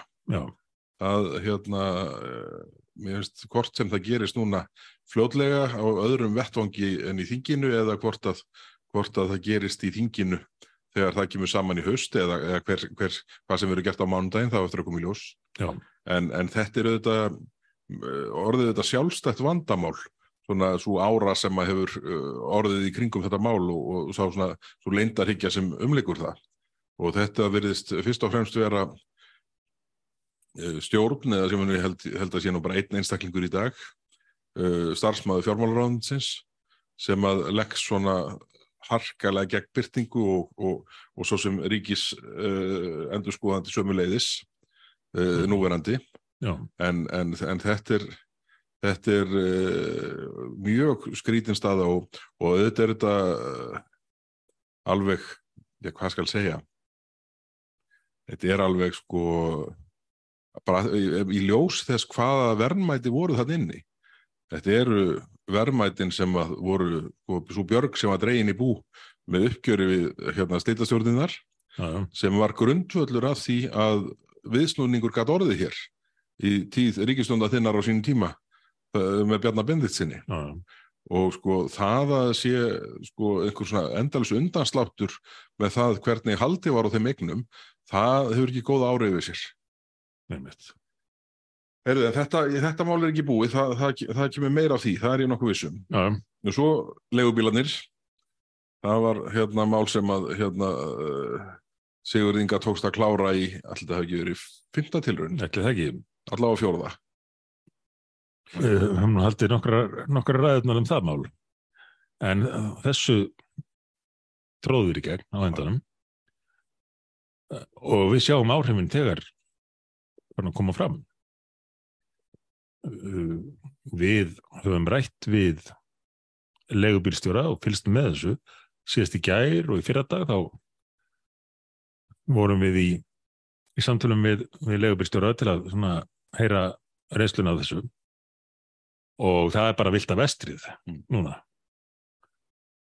Ég skal nefna dæmi.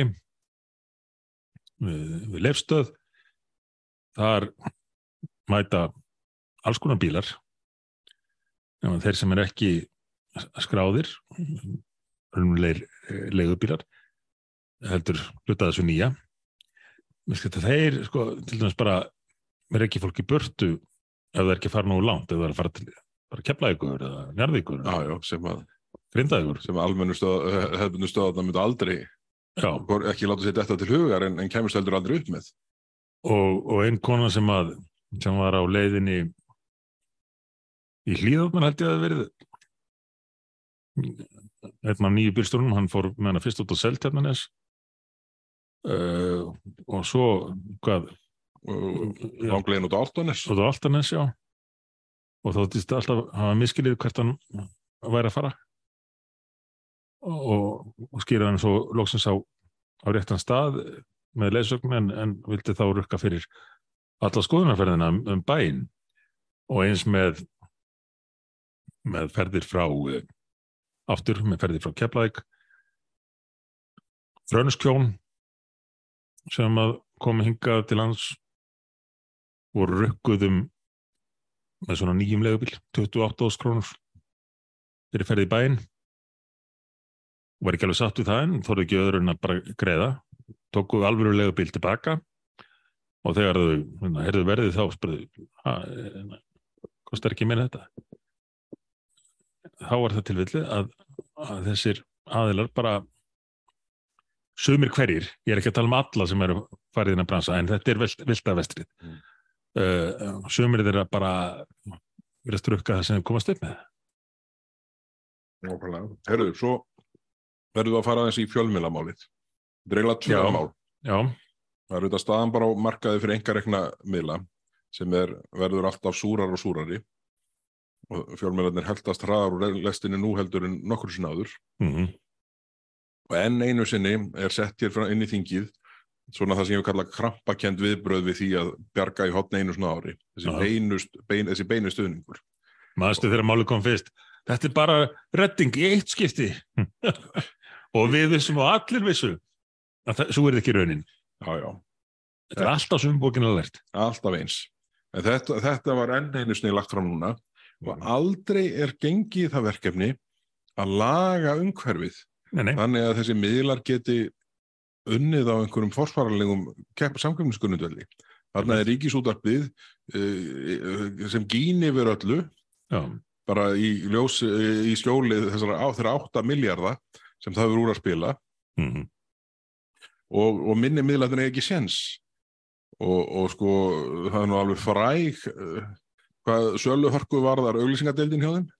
Já, já, hérna, þannig að, þannig að og, og, en bara alltaf sama máli einu svona, einu, einu svona ári. Þetta er svona einhvers slags afsökunarbeðinni til enga meilana sem bara heiði ok, við klúruðum því að laga þetta núna.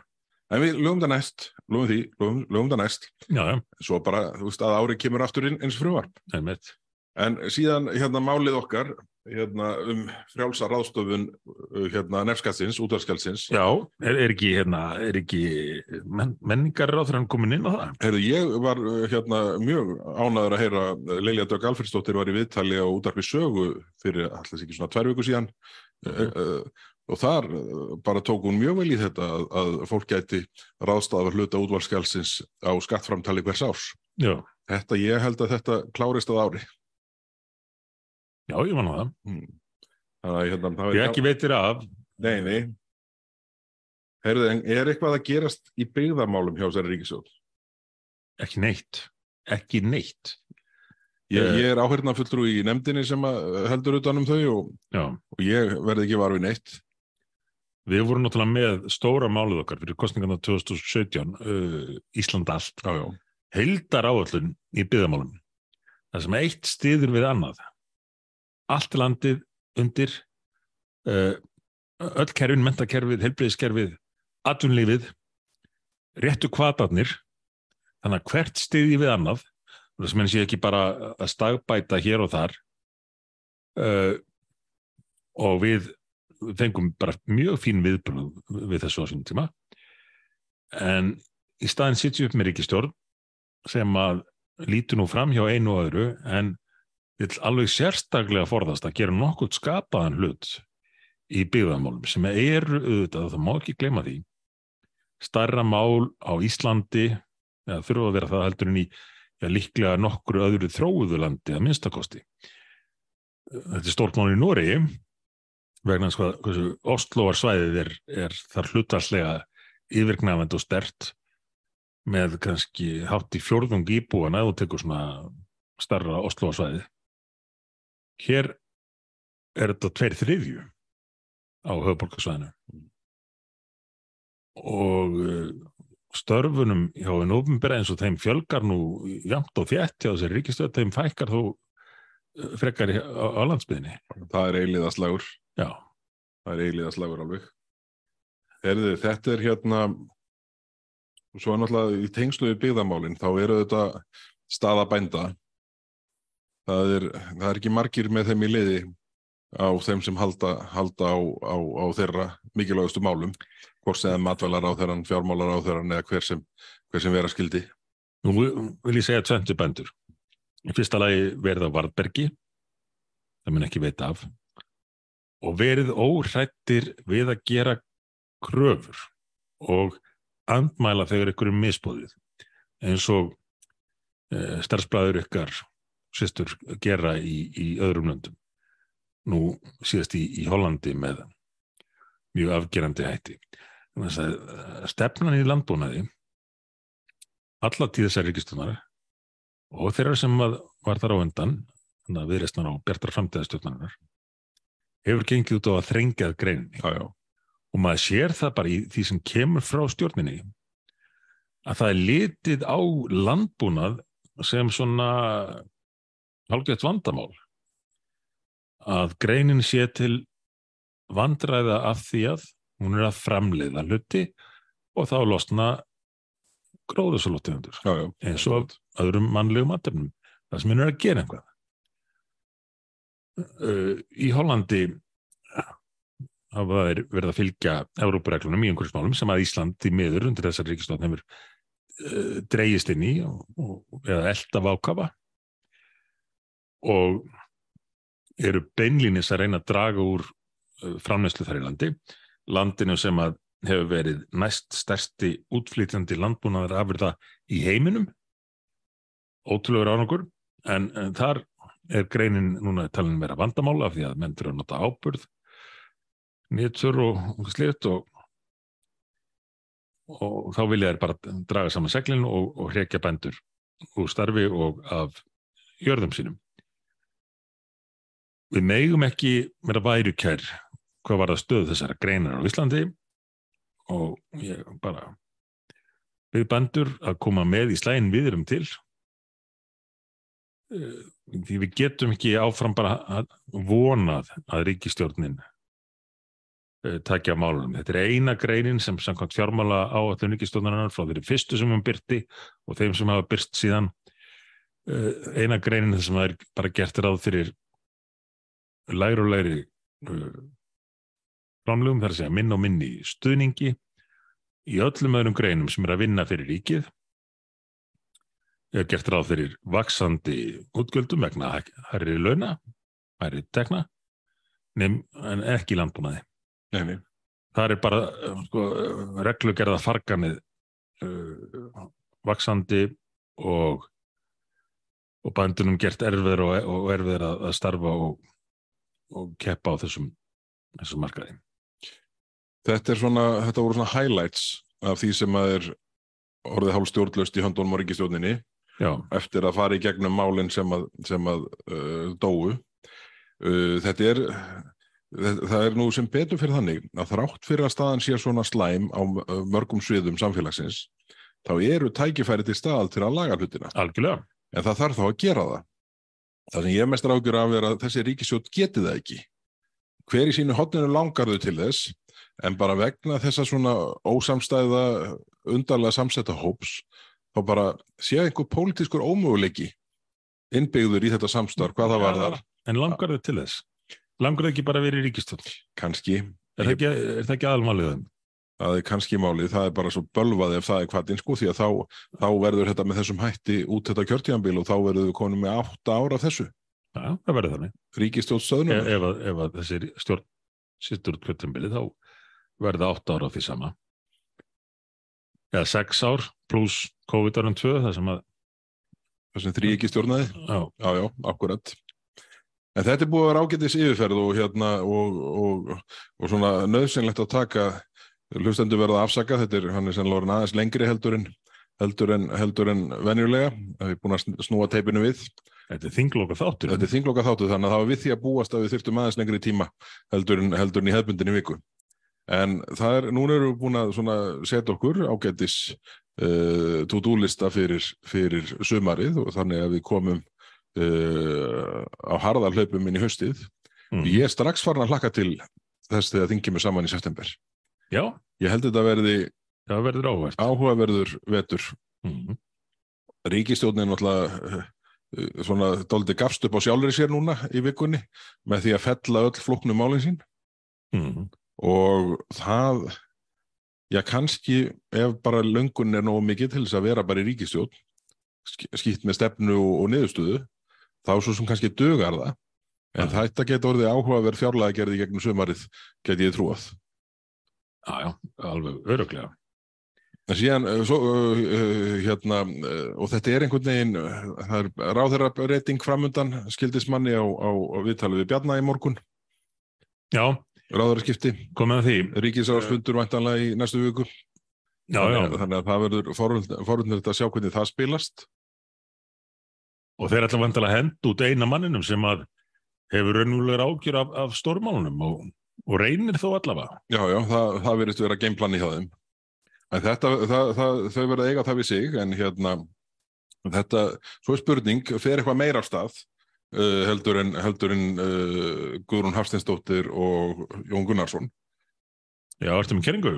Nei, en það er náttúrulega bara svona í umræðinni, þá, þá, þá svona, þá er alls konar kenningar á floti, sko. Já. Nafn Áslöðar Örnu, Guðlust Þórs eru nefnd, Mm. annarkort með uh, rókeringum eða, eða, eða, eða uh, já, bara svona uh, já, það eru greinlega mjög margir svona uh, innarlega í sjálfstæðarfloknum með mikla skoðanur því hvernig þetta er að ganga fram öðruvís en það sem að uh, virtist liggja fyrir strax þegar ríkisvöldinni mynduð. En, en ef til staðið að reyfa við öðru hvori þeirra, Guðlaugið áslögurnu, eh, er þið þá, þá ekki Jóni bara haldið í, í stjórninni eða hvað? Það er ábyggil einhverjir að vona það Já, og svo er þetta alltaf þessar umræðum að bjarna langi að taka eitthvað annar ráðanitt í tímambundið. já, já, En hvað veit maður? einmitt. En ég er nótur um að hún líði vel í Já, já. Já, Það er búin að vera það meira að minna í tíu árið þegar ekki. einmitt. Heyrðu en þetta var hérna, þetta var svona wrap-up þáttur hvað þingvettunum var þar. Já, En það er ekki þannig að við séum að fyrir frí í sjónvarslösum 50. nei, nei, nei, Það verða 50 dagar vikulega hér eftir sem hinga til Já, og það þarf að fylla þá. það gerum við kannski bara best með því að uh, fylgjast með gangi mála í samfélaginu Já. og jafnvel öðrum samfélagum líka. og getum svona tekið okkar teika á þetta fyrir þá sem að hérna, vantar eitthvað gott efni í eirað. Já, og þetta hérna þannig að við, uh, það mann svona rekna með því að þeir hérna, verði nær tíma viðmiði teknimannsins, teknistjórans heldur en, heldur en tíma viðmiði formansflokksins í, hérna, uh, í gegnum sumarið einmitt. en ég held að verði gaman, a, gaman að kera prógramið áfram Það verður það alveg öruglega og svona, aðeins breyttar áherslur í sumar en, en þættirnir verða bara þeimun líflegri fyrir vikið. Þegar allur heimurinn er undir og, og allt það sem er að gerast hverja, hverja viku fyrir sig. Ak Akkurat. Herruð, þetta er búið að vera gott í dag. Já, við verðum ekki að þakka, þakka fyrir bara þingveiturinn hann er búin að við vera letum að það en af því að þátturinn var svona langur ætlum við þá að sleppa þessum liðum þarna eins og uh, skemmtilega staðrindir, skemmtilega staðrindir og uh, hvað var það aftur sem að þú nöldurhotnið Nöldurhóttni, já. Ég er í svo góðu skapi núna við þinglokkin að ég á ekkert í nöldurhotnið Já, látum við það. en áttu eitthvað í skemmtilega staðrind Já, ég get alveg komið með eitthvað, en við getum líka látað að býða þátturinn orðin langur. En já, ok, aðeins út af umræðinni sem að við höfum átt hérna um, um, um svona það róf sem manni finnst hafa orðið milli uh, umtals, hugmynda og raunveruleika. Uh, ég, þetta er atrið sem ég nefndi mitt og fór yfir í, í fyrstu ræðinu minni á uh, landstingi var það mýtur? Þær geta nefnilega verið alveg ótrúlega þrautsegar. Var það ekki strúturinn það er strúturinn sko. Uh, hvað gerir strútur þegar hann er hrættur hann stingur ekki höfðun í sandin Hann bara hleypur eins og hann bara hleypur og þegar hann hleypur rætt og eh, ef þeir hefðu var að breðast við hættu með því að stinga höfðun í sandin þá þá hefði þessi stofnlu líklega ekki lifað af. En uh, þetta var einhvað sem að var skrifað í, uh, í dýrafræði bók á tímum Rómverja. Að manni sem hafði líklega séð strút vera að róta í sandinum eftir skortifurum með einhver æti. Og í minni 2000 ár hefur þessi saga haldið velli. Eh, sýnir okkur við hvað við erum eiga.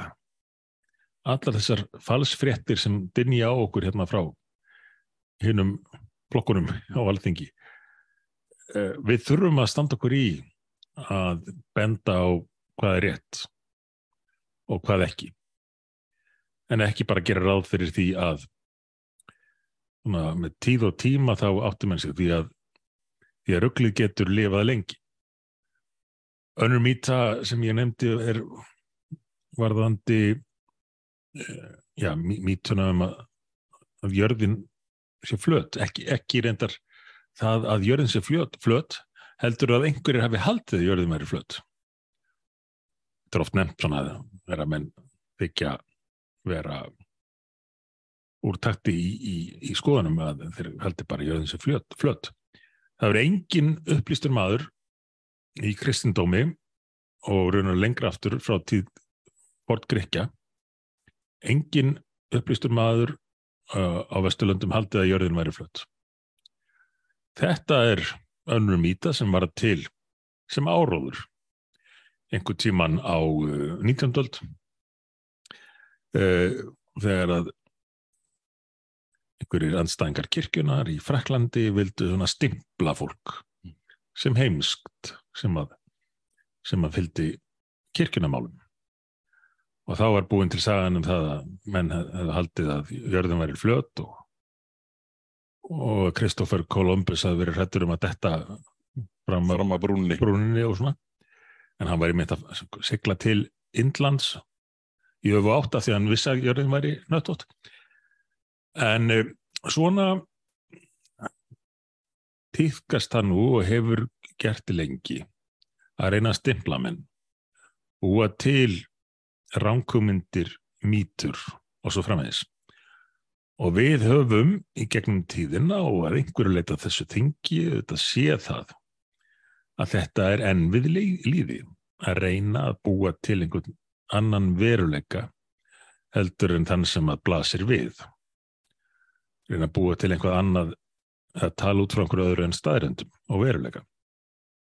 En þess vegna erum við nú í þessum bransa að við trúum á raunveruleikan og leitina að staðrendum og bestu leiðunum.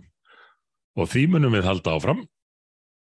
Í sumar heldur leit okkar að lausnum og staðrendum áfram og svo mun það byrtast á þinginu þegar það kemur saman aftur en í millitíðinni geta hlustundur átt vona á áhugaverðum og vonandi skemmtilegum umræðum hér um allt milli himins og jarðar í sjónvarsleisum 50.